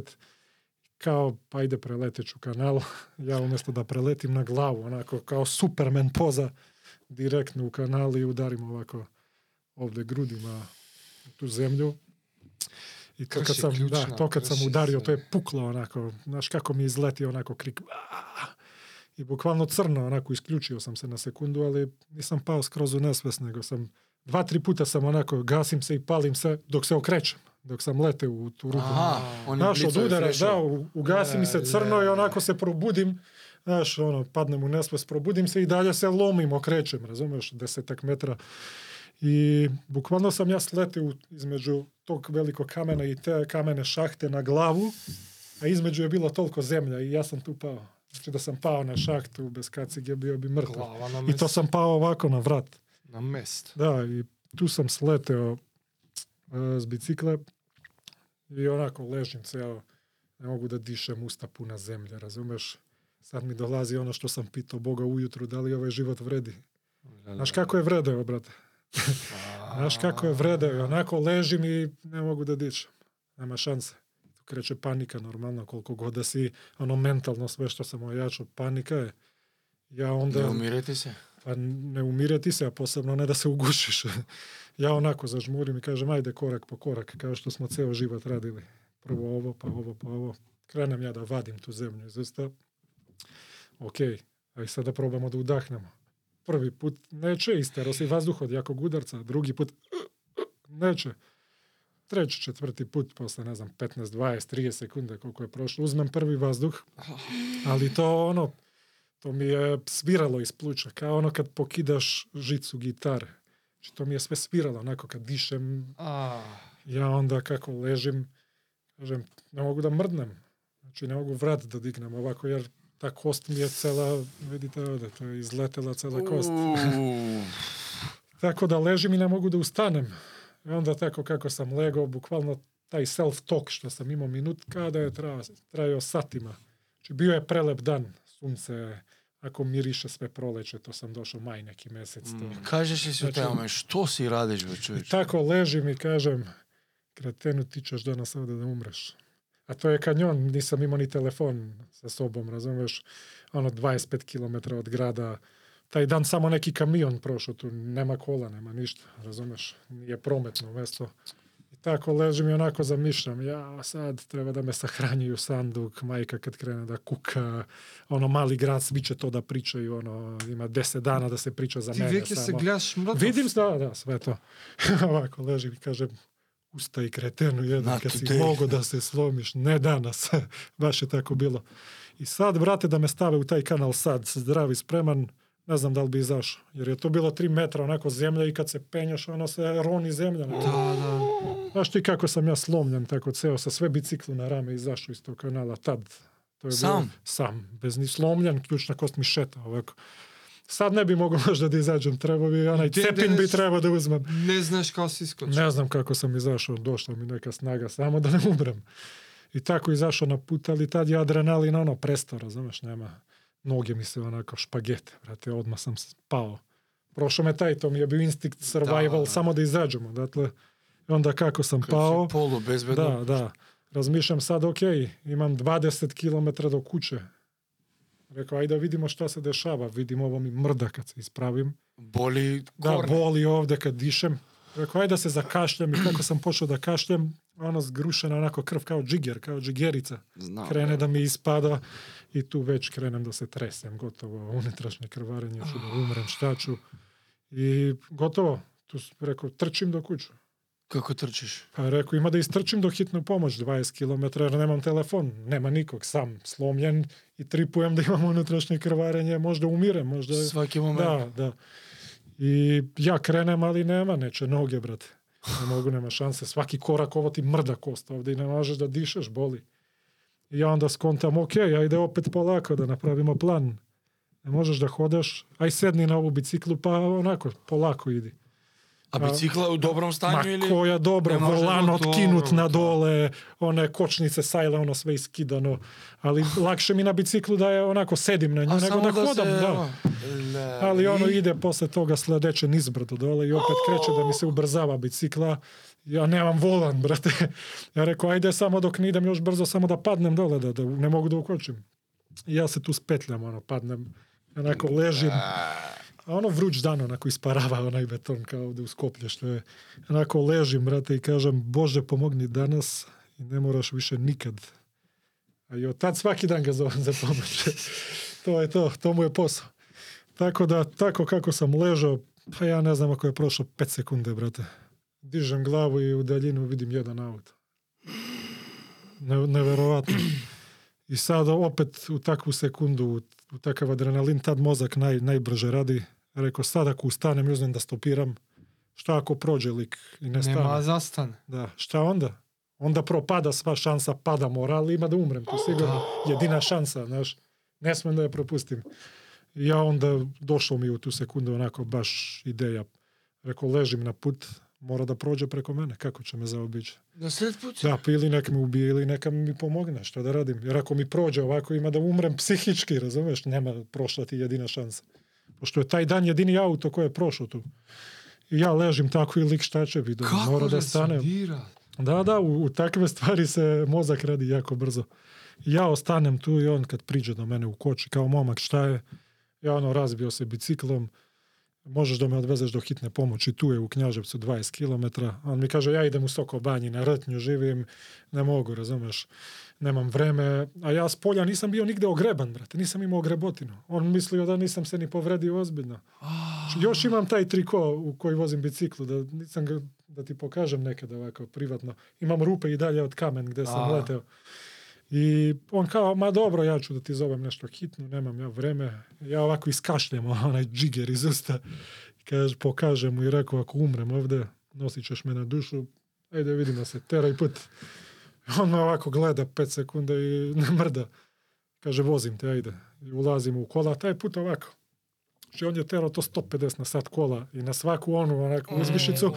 Јас скочим и ударим са главу у ама плафону кола, коста наку урла. Добро морали сте да. да иде на сат. Па уплашио се, да, да. па уплашио кад виде да плюем крв, разумеш? А... И онако на сваку ту узбишицу ја ударам. Ај ти не знаеш дали имаш унутрешно да. крварење. Да, да, а ја му иза кажам онако, баш сам ту изгубио контролу, нечу да умрем, нечу да умрем, знаеш, така сам причал. I on tu me vozio, i ono imam još od, od stravu, onako, 150 km što mi spid snimio, nisam ni... a, Nisi I, da, da. I šta sam hteo? I on me dovozi tu u bolnicu, tako, ostavlja me. Oni tu da me pokupe. Nisu mogli da me snime, brate, na rengen. Tako sam bio sklopljen da nisu mogli da me isprave, da me snime tu kost. Znači, bukvalno kad su trebali ruke da mi otvore, da se ispravim, ovaj mi je rekao, to će da bude nešto najviše što te bolelo u životu. A onako stego se kao ono Dule Savić, kao rane. on otvori, ono je rekao, ništa, bre, živaj, brate, dobro je. I oni me stavljaju. to je bilo uvek. I kad me sekli tako na živo, samo mu Dule Savić i seči. tako da oni me stavljaju u bolnicu u krevet, ja onako sa zemljom u glavu, razumeš? Ona sestra da me kupa, onako, a svi se znamo u grad, razumeš, zna me, prolazi mi pored kuću, Da, da, bome da. skida i kupa je ono neprijatno, brate. Ja ide tu, onako kako me okupala, pola mi blat u glavu bilo, nije me ni okupala kako treba. Ja u krevet ležim, opet onako nasmejan, živ sam. Sad već planiramo kako ćemo da se vratimo. Ja, ja to planiram u istu sekundu. I onako sam ležao pet dana u krevet sa, sa zemlju u glavu, brate. Znači nisu meni očistili. Nasmejan. Da. I, ali nisam mogao da ustanem, brate. Pošto to kad se ohladilo ne mogu glavu da dignem jer ključ ne drži tu sve. Ama život da, vredi. Da, da, da. I tu sam gledao Goginca, brate, ovako na telefon. A tamo si... U Ušte- bolnicu. ušte to ti fali. Pa on mi treba, razumiješ? Ušte logitno fali. I doktor onako kaže, biciklista, kad hoćeš da letiš, znam te, čuo sam za tebe, ajde ustaj ovde. Dok ne ustaneš sam, nema da ideš iz bolnicu. I ono, ja ne mogu, ne mogu da odlepim glavu. On mi je rekao, ajde pičko, ustaj. Doktor, razumiješ? Što zbori? Da. Zašto? Ko je taj? Pa hirurg, ovako znamo se. A, je mali grad, da. I on privatno. kaže, ustaj. Dok ne ustaneš, nema da odeš odavde. Nema otpusna lista, mora sam da ustaneš. Ja dva dana pokušavao da ustanem, čim kreneš, znaš, najgori bol u životu. Onako, ne može. I dok mi se zgadilo, brate, dok sam rekao, ajde, jebeš ovo i usto sam iz kreveta i kaže, ajde kući. Ja odlazim kući, odmaram dva, tri dana, to mi je bilo vezano onako sve da bi, da bi se spojilo. Kažem, idem da hajkujem, da vidim kako se osjećam. I krenem 10 km, onako se u zavoje, ovako ceo vrućina, znojim se, idem. I na pola puta, na peti kilometar, krenem opet da ne mogu da dišem. Onako da, da ne mogu da se ispravim. Ja brzo nazad u bolnicu i oni x-ray da urade opet. normalan Ispalo da imam frakturu rebra, ali nisu vidli. Što nego vidjeli Zato što nisam mogao da se ispravim, bio sam ceo... Ja sam bukvalno tako sa frakturisano rebro otišao da hajkujem, razumeš? I ništa, onda sam rekao, ok, šest nedelja, nema mrdanja u kreveci. To je bilo jako teško, morao sam da spavam na leđa ovako, ukočen. Razumeš, opet se vraćam u ista bolnica, isti hodnik, Le, le, samo le, druga le. povreda, nije karlica, nego je ovo. Bukvalno sam kroz te povrede napravio mentalitet da mogu da podnesem bilo šta u životu. Tako da vidjet ću sad šta će da se dalje dešava i kako ću da mogu da se ono spravim sa takvim stvarima jako lako. Čak i smrt kad dođe. Tako da tu je taj oporavak trajao dugo, bukvalno ono, bila mi je pobeda da dignem ruku iznad glave, razumeš? I Jel ti se vratio full range of motion? Možda ispraviti gurao sam do kraja? 150 bench, brate, prekjuče. znači vratilo se. A nisam mogao praznu šipku da gurnem pre godinu i nešto dana, dve. Ova koga se dešava? E, to bi Ovo se sam- dešava 2020. možda. A ovo sa trčanjem, koronu kad si imao, kad si... A to je To odmah, je to je, posle? odmah posle toga. Čim sam došao u Srbiju od te korone. Znam, to, uhvatio te da. da. maler od 9 Da. mjeseca, sve neka Tako. sranja, Da, pa da, sve, sve. I tako ja ležim, brate, ono, slomljen sve. Rekao, ok, ultra trail running, našao sam ono nešto dalje. Ovo road running mi više nije bila fora, brate. Novo... Nekako ulica, sad Si sigurno je, možeš da odustaneš kad hoćeš. Ja dok sam ležao, onako, Taksi. da, povređen u krevet, morao sam da nađem neku volju za životom. I nađem to ultramaraton i dok sam bio polomljen, prijavim se za 85 km trku. I bratu kažem, kao i uvek, budi na moju stranu, ceo život si tu. Trči sa mnom, teško mi sam. Znači iz kreveta, ono, Brat ti je rođen i ovaj što ga stavljaš na Instagram što trči sa tobom ili on je neki drug? Ne, ne, Što brat rođen, ne, brat rođeni mi je iz Srbije, ne znate ga. A, imam ovde polubraće, pošto moj otac ima drugi brak i oni trče isto, ali ovo mi je brat iz Srbije, zajedno smo odrasli od DC, prošli sve, razumeš. I on ima 27 godina, znači blizu smo, ja imam 29. I bratu kažem, budi opet uz moju stranu, stani uz mene, trebaš mi. I on čovek nije ni trčao, razumeš, on ona voli da igra igrice, Тако скрос супротно, талентована геймеру, али да игра, да не занима га, има све таленте, да биде многу бољи од мене. И он каже, окей, трчим с тобом, и човек усто из кауча да биде сам нам сваки ден. И ми смо трчали буквално тако сломљан, брате. 16 дана смо трчали сваки ден. И ја одем со 16 дана тренинга на ултрамаратон 85 км. А повреда санирала се или? Ма ние тоа е било све онако, тоа требало да проđе многу времена. Ја изашо из болницу, ono, odmorio, oporavio se, digo ruku i 16 dana trening. I na Idi na trku. 85, ka? Da, da, 85 km, nešto 3000 ono, Elevacija. uspon. Ali ja nisam ni znao tad šta je elevacija. Ja otišao na staru planinu Midžor, ono najviši vrh, on 2000 metra. Ja popeo Midžor vrh i kažem, ok, popeo sam 2000, do 3 ima još 1000.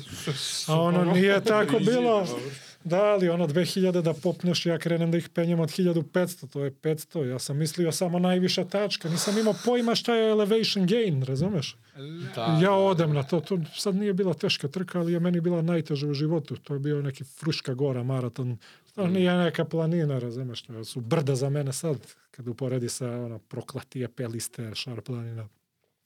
Ja odem tamo i ono, nafuram se, krenem ja jako, буквално први дел од трке маратон сам истрчо на такав терен за 6 сата можда, разумеш? Био сам испред многу луѓе. И буквално после ток 40 километра на пола, кога сам стигал, иде краш, брате. Крена ово да ме боли, крене температура да ме хвата Па не пада. пиеш, не да, јадеш, да, ништо, да, да. никакво тркачко не нисам знаел, понео сам, што оно гледал сам Гогин су фалили електролити, ја понео сој воду и пио сам слану воду, брате, дехидрира mm. још више, врат тежак. Че нисам знаел, poneo sam hranu, brate, kao za celu trku, ja sam to pojao za 16 km, nisam imao ni hranu, brate. I tako sam ono, raspo sam se do ta 40 km i tu dolazi kraš, hvata me prva noć, onako, krećem da ono ne mogu. Hodam 100 metra, brate, i mora sednem. 100 metra i mora da sednem. A 24 sata su ove trke ili ne? Pa tako, da, 24 je bilo. I ja stigo tu negde do 60 km, pada noć i kreće sada ono sve. Znači mozak, kad odlučiš da ne staneš, da guraš granice, eventualno kad tad morat će da ti da neki adrenalin da preživiš. Samo Da. treba da ubediš mozak da nećeš da staneš. Onda će onda ti kaže, moram da mu dam nešto, ovaj ne staje. Ima da nas ubije. Da, da. Da, ne mu daš da. opcija za... Mora da ti da. I, Otkaz I kad ti da, otkaz. to je tako moćno gorivo da ne postoji. Ali kad ti da to moćno gorivo, ne raduj se, jer posle ide još mnogo veći pad. Ali ide i veći uspon. Aha. Tako da tu mi je mozak dao neko gorivo, ja se zaradovao. Sad ću da ja završim posle sat vreme, puzim onako, ležim pored drvo neko, ono uspon blato neko, ja nisam ni imao one hiking štapove, ja sam uzeo neke one kolce, ono drv, za drvari što su sekli, sto sam išao, ono pet kila jedno, brate. Tako sam se vukao i stigao sam negde do 70 km, zadnja 15, tu mi noge otkazale, sjebo sam se i dalje sam bio neutreniran, brate. Ležu u krevet tri meseca. I ne mogu da idem nizbrdo, onako, znaš, kad nagaziš kolena su otišla. Onda sam počeo da hodam unazad, brate. Da, tako ne boli. Unazad sam hodao i bio sam spor, ali... Ao, da, da, Da. da, da, da I onda su me tu videli spasijući i rekli, gotova ti je trka, da te izvlačimo. Ja seo pored neku vatru na kontrolnu tačku. Rekao, ne treba. Kaže, jesi siguran? Kaže, ne, ne treba da me spašavate. I ljudi mi ovako rekli, drugi trkač, iskusni, nemoj momak, a, nema šanse. Nek, idem, ja nastavljam. I na kraju su većina tih ljudi pored vatru, kad se ne šlepo ti je, toplo ti je, svi su odustali, ja sam jedini nastavio, brate, tamo. I hodao sam, komfort da, opet. da. Kad ga malo Da. osjetiš teško, Biće vatre, ali posle. Ne sad. kad se završi koliko god da je teško, muka kad tad treba da stače. rest at the end, not Da, in the middle. Da, ali muka će kad tad da stane. Završi trku, stače. Čak i da ne stane tad na kraju da umreš, staće kad umreš. Ali kad tad muka staje, ne traje večno. Tako da ja sam išao unazad tako na nizbrda, puzio sam. Upoznao sam tu dečka i devojku neku na trku, tu isto što pogubili smo se, ugasio mi se i sat i nisam znao gde sam. Počeo onako da haluciniram, ne znam gde idem. Tako s tom devojkom i dečkom sam nastavio zajedno. Izgurao sam do kraja čoveče. Do kraja si prošao. Da, do 85 km. не знам, мишо сам 19 и по сата можда. Ови остали на ватру. Ови да. Тамо на ватру за нема отказ. И стиго сам и прошо сам цилј, рако сам се, се сломлен. Сад могу да одморим. Не, нисам имал превоз до Новог Сада, брате. Момак ме одбацио до негде и хода сам још 10 километра да станам. Видиш како се смеем, тоа е... Tako da sam otišao u stan i onako sam zaspao i onda sam se budio, onako šokove sam imao neki što sam preživeo sve to i tu sam rekao ultra endurance. Samo treba imati onako granicu. Pripremu. Da, da, da ne bude to sad svaku nedelju, da se raspadnem. Mm. Tako da se tu ta cela priča otvorila i onda sam rešio da to bude taj ultra endurance. I onda su, tad su još gore stvari krenule. Dolazi ta 2021. Ja sam onako, otključalo mi se posle te trke da sam shvatio da nema granice. Ja sam onda počeo da trčim po 500-600 km mesečno. To je bilo svaki dan polumaraton možda. I tako sam ja istrošio telo. I ono, sprdao sam se, uhvati me, upala pluća trčao sam go zimi, drao sam se, onako, move, idemo. Znači, otključao sam sve granice, trenirao sam ceo dan. I uhvati me upada pluća i ja se tako razbolim, brate, ono, 40 temperatura, šest nedelje sam imao, 39 sa 5. Znači, je, kako jednostrana... Da, pa koronu mi kao našli, razumeš? I ja sam sa koronom trčao 31. decembra 100 km, na minus 15 možda Znaš kako napolje. se sjećam ovo? Zašto Da. mi taj, taj smo datum pravili hiljadu brpisu sal. Da, И ти си баш постирал, трчим на, на траку, си трчио 100 км, тако е нешто? Да, било, било е на стадион, на, на трак. стадион, да. на траку. И... Кажам, Пирузе, иде ово, ми идемо, иде да брби си, немој да се жали некоми, 2 сата, он 100 км. Да. И така Јас сум имал температуру, брате, и скидал сам температуру са хладан туш од ујутру до увече, брате, да би могол да трчим. Истрчал сам ту 50 км за 5 сата. Знам за 50 и да. не било и више. И да. почел сам температура ми скочила многу, почел сам да се тресем, пао сам. И рекол сам 50-50. Ali nisam znao da imam upalo pluće i da sam bolestan. Sam ja to, razvio sam toleranciju na bol da mi to bilo Da, okej. da, da. I ja sam nastavio posle toga još 3-4 dana da treniram i palo mi jako loše, odem u bolnicu, temperatura, jednostrana upala pluća, kao ajde lekovi, antibiotici, bit će za 5 dana dobro, ti si mlad, za 5 dana postane dvostruka upala pluća.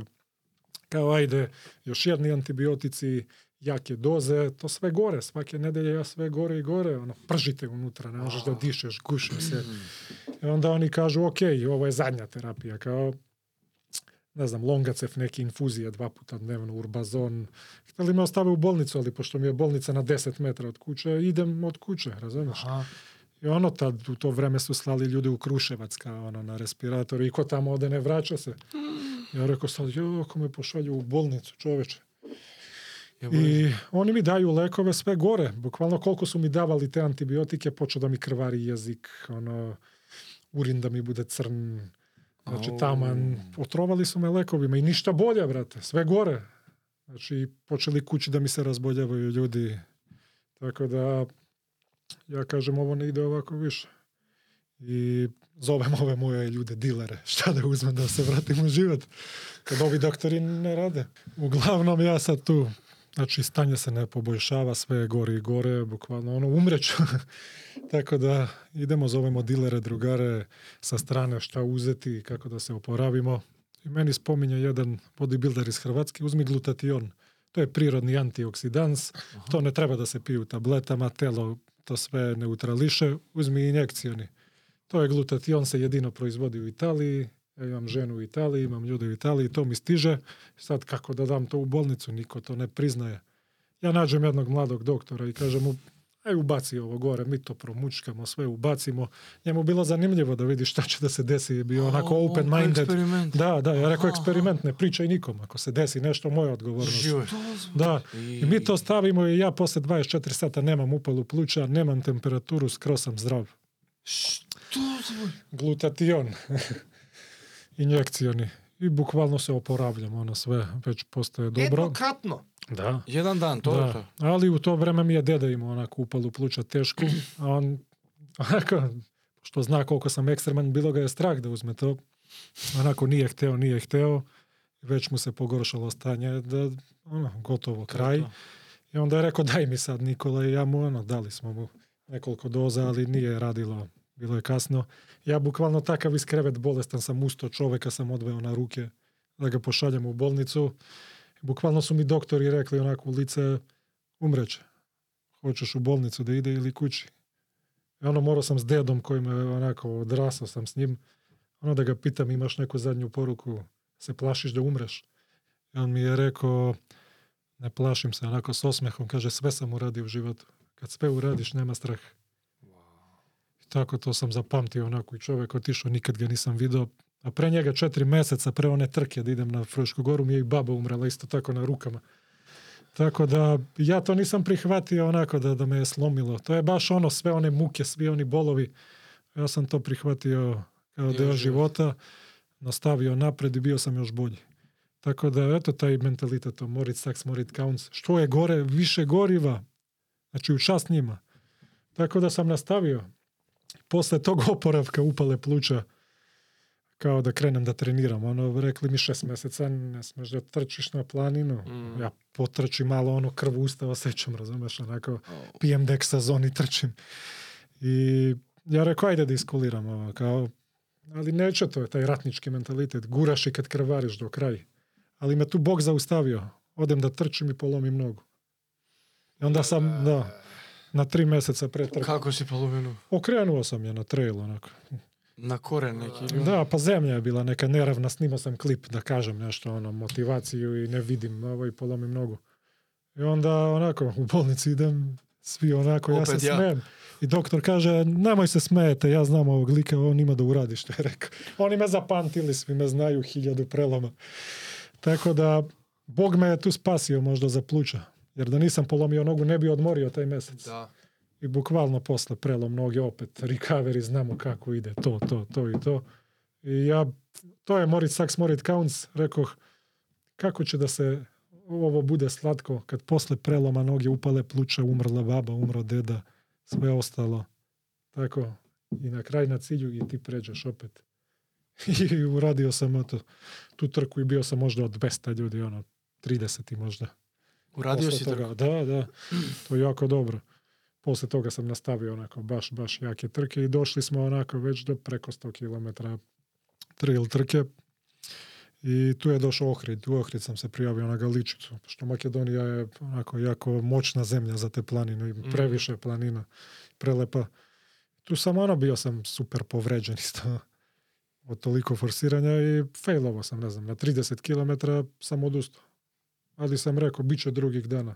Počeo sam da razvijam taj mentalitet ono, live to fight tomorrow. Mm. Live to da. Da. to fight another day. Da, da, to. Tako da tu sam odustao i rekao sam, ok, vidio sam kako ova igra 100 km i druga igra, nije to kao 50. Treba odeća, treba više hrane, treba sve. Trenirao i sledeće godine sam došao ono, na Pelister, ovde je bila, to je najteža trka u Makedoniji.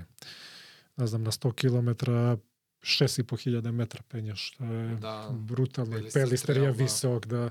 To je bilo vreme onako jako, jako strašno, da je padala kiša, trka kreće noću, magla je bila, organizator morao da pomeri vreme trke. I bukvalno, ono, pustio nas na dan na koji se trka ne pušta. Ja sam bio oduševljen, tako, takvog lika volim. Da, Kansas. tako, tako, takvog lika volim, jer u Srbiji čim je loše vreme, gotovo, odlaže se, razumeš?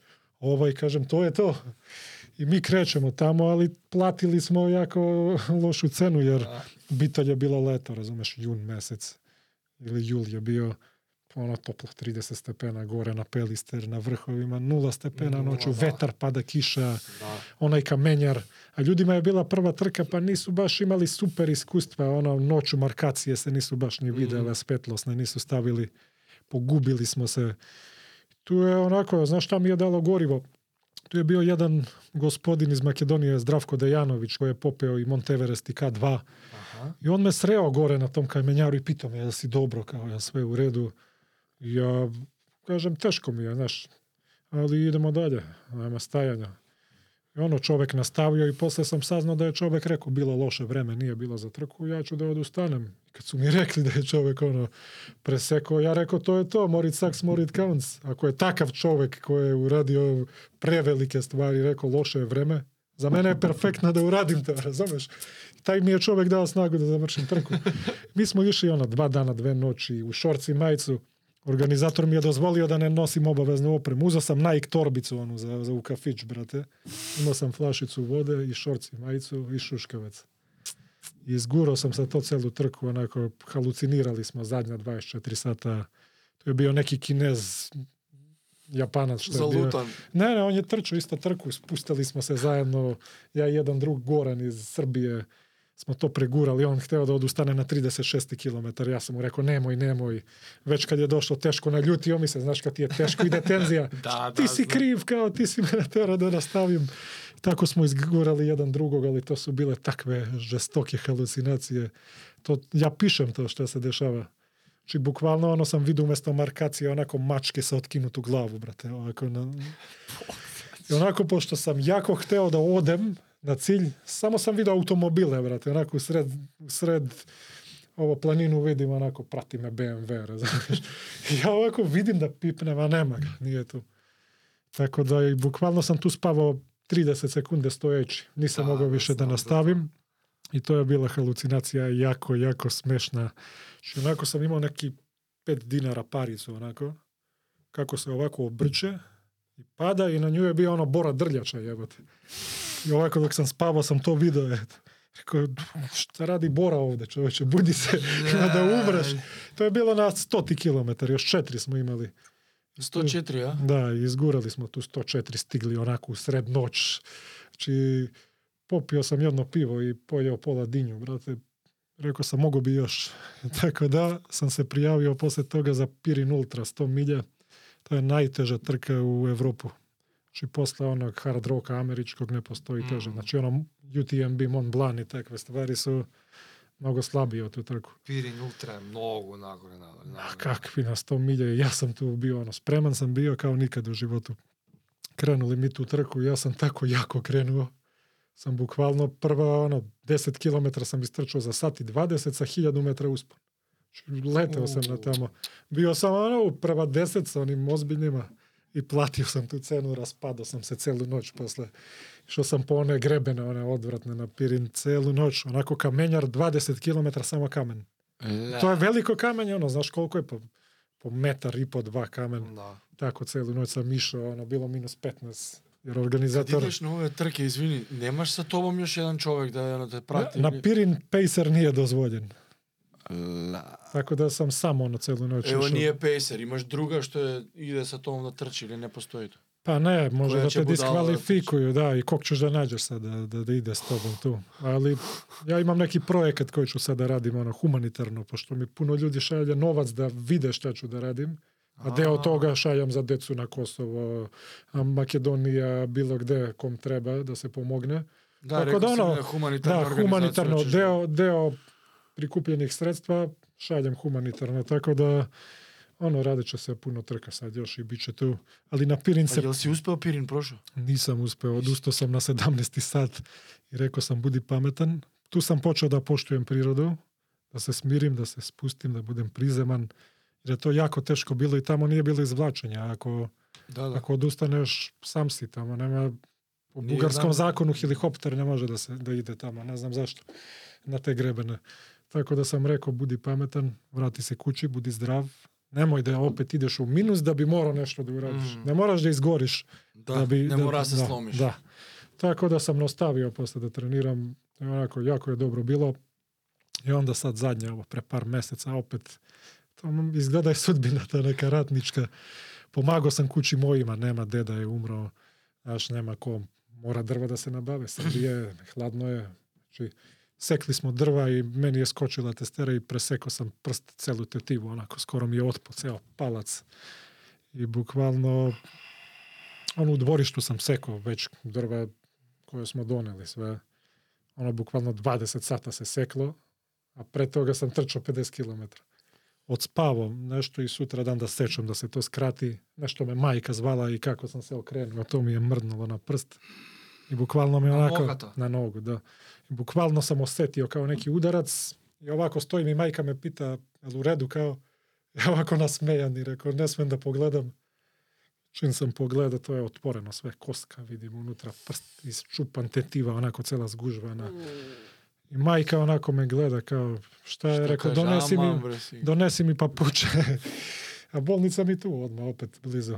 100 Znaju te metara. svi više. Da, da, da, opet ja, već mi je, ovaj. već mi je postalo onako, rekao sam, ne vraćam se više ovamo i uvek se Specijalna vraćam. soba ima za nego tamo. Piruze. Tako da, ono, majka kaže skini patiku i ja budala je poslušam kako sam skinuo patiku kad je to krenulo da curi krv. Onako hladno i bara, tako, tolka.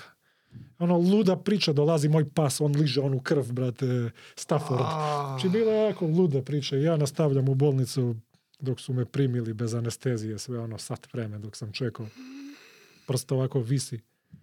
Ja ono, onako, rekao, ajde snimite X-ray. I oni kad su mi uradili X-ray, pošto nisam presekao kost, Aha. oni rekli, nisu ni znali da mi je prst isečen, nego su mi, imao sam frakture na, na stopalo od ispod za koje nisam ni znao i doktorka počela da kaže stopalo ti od ispod slomljeno. Rekao, ma nisam došao zbog toga, ja sam došao zbog... Znači, bukvalno nisam znao da su mi prsti od ispod svi ispucali. I ništa, kad su mi rekli da kost nije presečena testerom, nasmejao sam se i već sam, već sam planirao kako ću da se vratim kao i uvek. Bukvalno su mi ono, anestezija, skratili mi tetivu, skratili mi tetivu i ono, rekli pauza, ne znam. Nećeš da trčiš do kraja godine. Ja sam posle šest nedelja istrčao maraton. Evo sad se vraćam, malo je borba, pošto mi je tetiva kraća, Mhm. to boli malo imbalans i sad treba da se ojača u teretanu. Ali eto, tu smo sad, tako da opet je zdravija priča, ultimativna sloboda. Nego iz part one. srećan sam i nema, ne postoji ono, nema depresije, nema anksioznosti, nema crnih misli. Tu si za sebe, tu si za porodicu. Čista Tako da, glava. čista glava, čista duša. Sad ja jako forsiram ovu priču sa tom slobodom, eto počeo sam sa ovom hladnom vodom, оно Јуре читај. Тоа сам хтеа да питам. Да, е сад ова фора со ладна ладном водом, онај така. клип у језеро кога удараш тоа да, што да, лазиш. Да, да. Актуелно во последно време тоа. Јесте, јесте. Јас сам мало пратам. Чекај ти кажам извини од анекдота. Знаеш како сам почео хладне тушеве да? Како? Гледал сам тенис. Мајке ми човек, гарми сам тако купио, не се. Да, да. Така. И ти си радио не по 5 минута у, у Да, да, тош. А така. јас сам имал корону тај период. Да. И она бептене било почетку 20-20 октомври таму ноември. И седим кучи, нема што да радам. И гледам ти ујутру и Three minutes in the cold shower, move! После трчиш, правиш ова, ја ми се више добро ми, али она глупа да. изолација ќе га по закон, нема полиција да долази проверава. Така, да, да им тренирам и се скачам и се, знаеш, така. иде да скочим од, од терасу. Така. И сутра дан опет, сутра дан опет. Тоа ја да пром. Ај Вимхов, пуштам га ова, има како ова, оп, и тако сам почел. Кажи каква е бесплатна среќа. Да. И значи, после Значи, сам видел да војство. истражување било за имунитет, а у ствари да, два и да. пол пута диже хормон среќа така, на камин, да. ствари тоа. И сад ја виджам на ове подкасте пошто е сад кренило свуда и у Србија, све многу луѓе причају о томе, али буквално да, да, понављају речи ових научника. Да. А нико то не ради. E, Можда па, едно може. Жив и здрав. А ја то да, живим сваки дан и ја да. причам из мог угла. Нечу ја да ти причам. Не занима ме дали е 2,5 или 3 допамин. Ја то не мерим. Разумеш? Izmerio Da. neko nekom. Samo Nema šta da merim, da. gotovo. Da. Ali e, fora je tu zaslužiti taj dopamin. I evo za gledalce koji ne znaju, nećemo nazvati to ni dopamin, nego sreća ili zadovoljstvo. Ali zadovoljstvo koje zaslužiš teškim putem dugo traje, nema kraš i nikad ne traži više i više. A onako, da, da, a veštački dopamin te navlači. Znači, uvek traži više i više. Bilo da, ono da se prejedeš, mreža, ne, like, ali evo, bilo da se prejedeš. Znači poješćeš nešto slatko, ima da ti se onda jede slano, posle slano će da bude žedan, će piješ gazirano, Pa opet slatko. posle toga opet slatko ako ti je dosadno i ta provalija nema kraja. Isto telefon, uđeš na onaj Instagram na lupicu i ona scrolluješ snimke, Mm. TikTok, nema kraja. Isto i pornografija. Znači, ne znam, bilo ko da je na Pornhubu, na bilo šta, niko nije na prvu stranicu. Ima da lista, da pomera 50. stranica, 100. Ima da traži uvek gore i gore, jer ne možeš da se zadovoljiš. Treba ti sve više i više. A Kaži mi neko ko će ono, da, trči ide više, 50 ne, da ide više od dva puta dnevno u ono hladnu vodu. После едног пута ти не треба. да. Ево, јас сум посебен можда, зато два пута нека уđем у дану кад ми е лош дан. Аха. Трети пут Кој су те реке, човече, тоа е језерото, где па сте? да, тоа е у Србија горе, пошто е тоа ми е изнад куќа буквално 3 км. И сад гледам да идеш у снегу. Да, Гол, да, горе, така, да, што... да, пења сам. Буквално сам се спремал можда 60 па, дана. Има толеранција, друго. Има толеранција. Сам рекол едном друго, извини, за ово, за хладно, и реко ми, сад ме овој твој пируз инспирисал да идам ја на крст на водно пало э, пасче снег. Да. И ја ќе да идем сутра со мајто со кратки рукави, ми кажеме, браво, Отлично. што ќеш да урадиш. Човек иде гол тамо по снег се ваља, ти са кратким зашто ќе да буде ладно. Али да. добро е реко, разумеш, ипак си га померио да прво изаѓа из куќа. Не, ти си га померио. Да. добро, во принципу било ко да ја добро е, не мора да сам ја. Али си га покренуо да он изаѓе прво, а друго чак и да da izađe van komforta. Ne mora da je go. Evo, još ga čekamo Neka je, da da. To neka je- je u majici. Ali evo, je jedan drugar, komforta. ovako ko je ozbiljan planinar iz Makedonije, kad sam uradio to go na planinu, rekao mi je bad influence je. Zamisli da dođe neki momak, onako klinac koji se to ne bavi, ode tako i pogine u planinu. Tako da nije priča toga, bitno je da si srećan. Ne moraš da penješ ti velike vrhove i da rizikuješ, jer sam ja tamo počeo da mrznem, bio sam u snegu do grudi dva sata, noge su mi bile plave i onda sam rekao, vrati se nazad, prirodu ne možeš da pobediš. Ne mora to je da je najviši vrh. Popni se do srednje vodno bez majice. S kim se takmičiš? Bitno je sreća, a ne taj neki uspeh. Je, nekoj Da. svoj Neko će da uradi luđu Da. stvar, nego... Tako, da. Znači, to, to ja radim jer me ispunjava, ali to ne, ne treba svako da radi. Znači, uđi u tu vodu dva minuta i budi srećan. Posle Tako. diši, ono, pokreni se malo, ja ovako bra, krenem onako Wim Hof što radi neke pokrete u dvorištu, onako suši se na hladan vazduh. Znači, bukvalno ti je toplije nego dok si bio kući. Znači, prelepo. Slobodan si, nema crnih misli. Jer kad ti je hladno, samo želiš da, Da ti se bude toplo. greješ, ne, ne zanima te drugo. Tako da je to u stvari veliki diskomfort i daje posle puno dobro komforta koji traje. Ono, hrabrio bih ljude da to krenu da rade. Znači, ono, meni se sviđa bolje je biti ratnik u bašti nego baštovan u ratu. Da. Znači, ja sam ratnik u mojoj bašti, imam i teretanu i bure gde ulazim, budi spreman. Tako da, ono, ljudi treba to da krenu da rade, jer to su mitovi, onako neke babske priče, dobit ću upalu pluća, dobit ću srčani udar, znaš, nemoj da ulaziš u vodu, razboleće se. Da, da, da. da, to. Znači, ja bukvalno svaki Samo dan nemoj da ulazim... ispaničiš i diši, to Da, je to. diši. Колку време го правиш веќе ова соло? Pa evo, celu zimu, ceo decembar, januar, februar. Sad, eto, za tri meseca nisam se razboleo ni jednom. Znači, ja i bukvalno odem go do reke, uđem u reku i go se vratim kući Mm. na, na minus 10. Nikad se nisam razboleo. Tako da vremenom telo navikava jako brzo. Adaptiraj se. Da, bukvalno prva pet dana onako trne ti vrat malo jer se krvni sudovi sakupljaju naglo. Tako da treba ti pet dana da se adaptiraš. Posle dva Napraviš meseca aplikacija ima Da. da. Hof objašnjava Tak, ceo put, komodno, Tako da je tu put do sreće i ja bi tu, tu ljudi mogu da nađu svoj mir, svoju duhovnost, onako u tišini da odluče neku promenu. Tako da, ono, Да, баш тоа ми се свиѓа мене многу и фала ти многу што ја сподели ова префасцинантна животна приказна и има една нишка цело време и не е джабе и не е површно тоа што го кажа. Неколку пати и јавно го споделуваш more it sucks, more it counts би го превеле што по Што потешко тоа подобро. што Так. потешко тоа подобро и тоа не е ништо ново измислено, ni. тоа е одамна познато и е можеби некој си длабок одговор за зошто толку многу луѓе ги привлекува да прават тешки работи, затоа што во процесот пронаоѓаат нешто. Tako. Кажи ми, ка, како размислуваш ти на таа тема?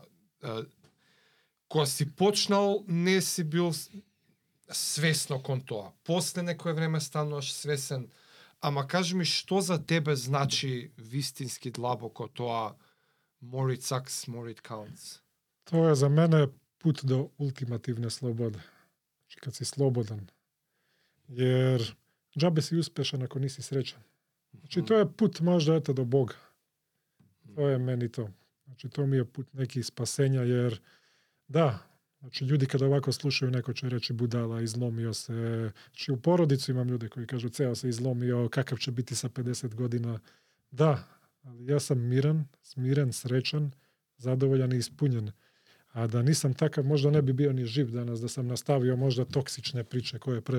Mm. Tako da Morit Saks, Morit Counts je meni sva ta sloboda, sreća. Bez razloga nekog prevelikog. И тоа секаква слобода, слобода на духот, да. на телото, на мислите. Било што. И слобода живење. Че тоа е слобода неки слобода живење. Јер ја кажам, ово е јако битно, само да ако се пар пута спетлам, јер пуно причам на енглески, ono, godinama ljudima i sad ja bukvalno od engleskog prevodim na srpski u glavi. I го- на onda mi je teško i na početak. се го дешава. имаме истиот проблем. Ne, ali hoću da kažem, sloboda nije da radiš sve što želiš, nego da ne radiš ono što ne želiš. To je jako velika stvar. Да. Mnogo bitno. Jako velika stvar. E, da dođeš dotle je jako, jako teško. Eto, ja sam zakoračio u to, ali tek sad vidim koliko sam mali i koliko treba napred da se ide. Тоа бих рекол да ето тоа е тај пут до Бога и пут тог усавршавање, тоа е јако дуг пут, Да. Тоа е јако дуг пут, мислим да сам тек едно али нема крај тај пут. Да, значи, да. Али баш да се уđе у ту вечност е овај пут сада. Да. Така да заслужимо тоа. Никола, целата твоја приказна е еден вид порака кон гледачите и кон слушателите така што не би ти кажал ај сега дај порака, ама е, за да го некако заокружиме убаво некако како да го заокружиме. When David Goggins meets, meets, Wim Hof, Да.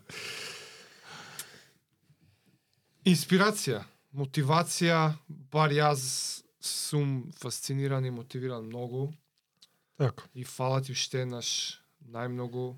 Pa poručio bih samo ljudima da, znaš, ne moraju da, da bude ono, ono, ultimativni, ekstremni, budi srećan, izađi, uradi nešto, zasluži. Ne morate da polomite noge kao ja, ne morate da, ono, da se otrujete od, ne znam, steroida, da dotaknete dno da bi došli do vrha. Budite pametni, radite polako i budite srećni. I možda ako mi dozvolite humanitarnog tipa na kraj jedan apel, imam ovde u telefonu, brat po ocu ovde u Skoplju je bolestan, ima, jako se teško razbolio.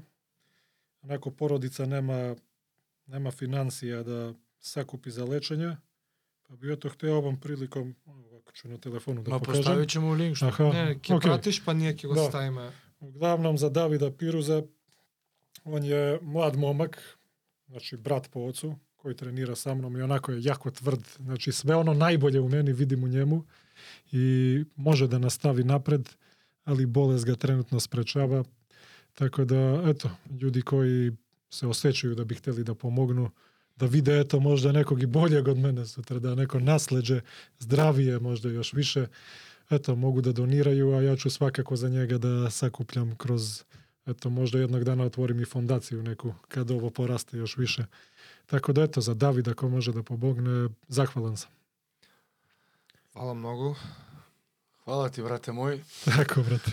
Три дана си овде, Da, da. скористио си 4 сата sa nama, те Тако е. задржаваме. Хвала ти puno, што Tako je, споделио све. uživo sam sa vama i, I bežim nazad u planinu odavde. Beži, да, да нас мотивишеш опет. Tako, do sledećeg puta. Инстаграм хендл Никола Пирузе, следете го, пратете го. Ке, да, во описот на видеото подоле ке ставиме се што можеме да ставиме.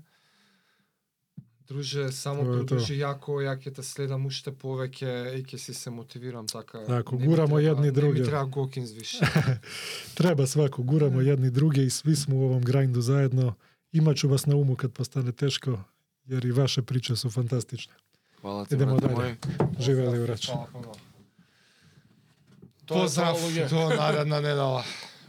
Бај, бај, бај, бај, бај, бај.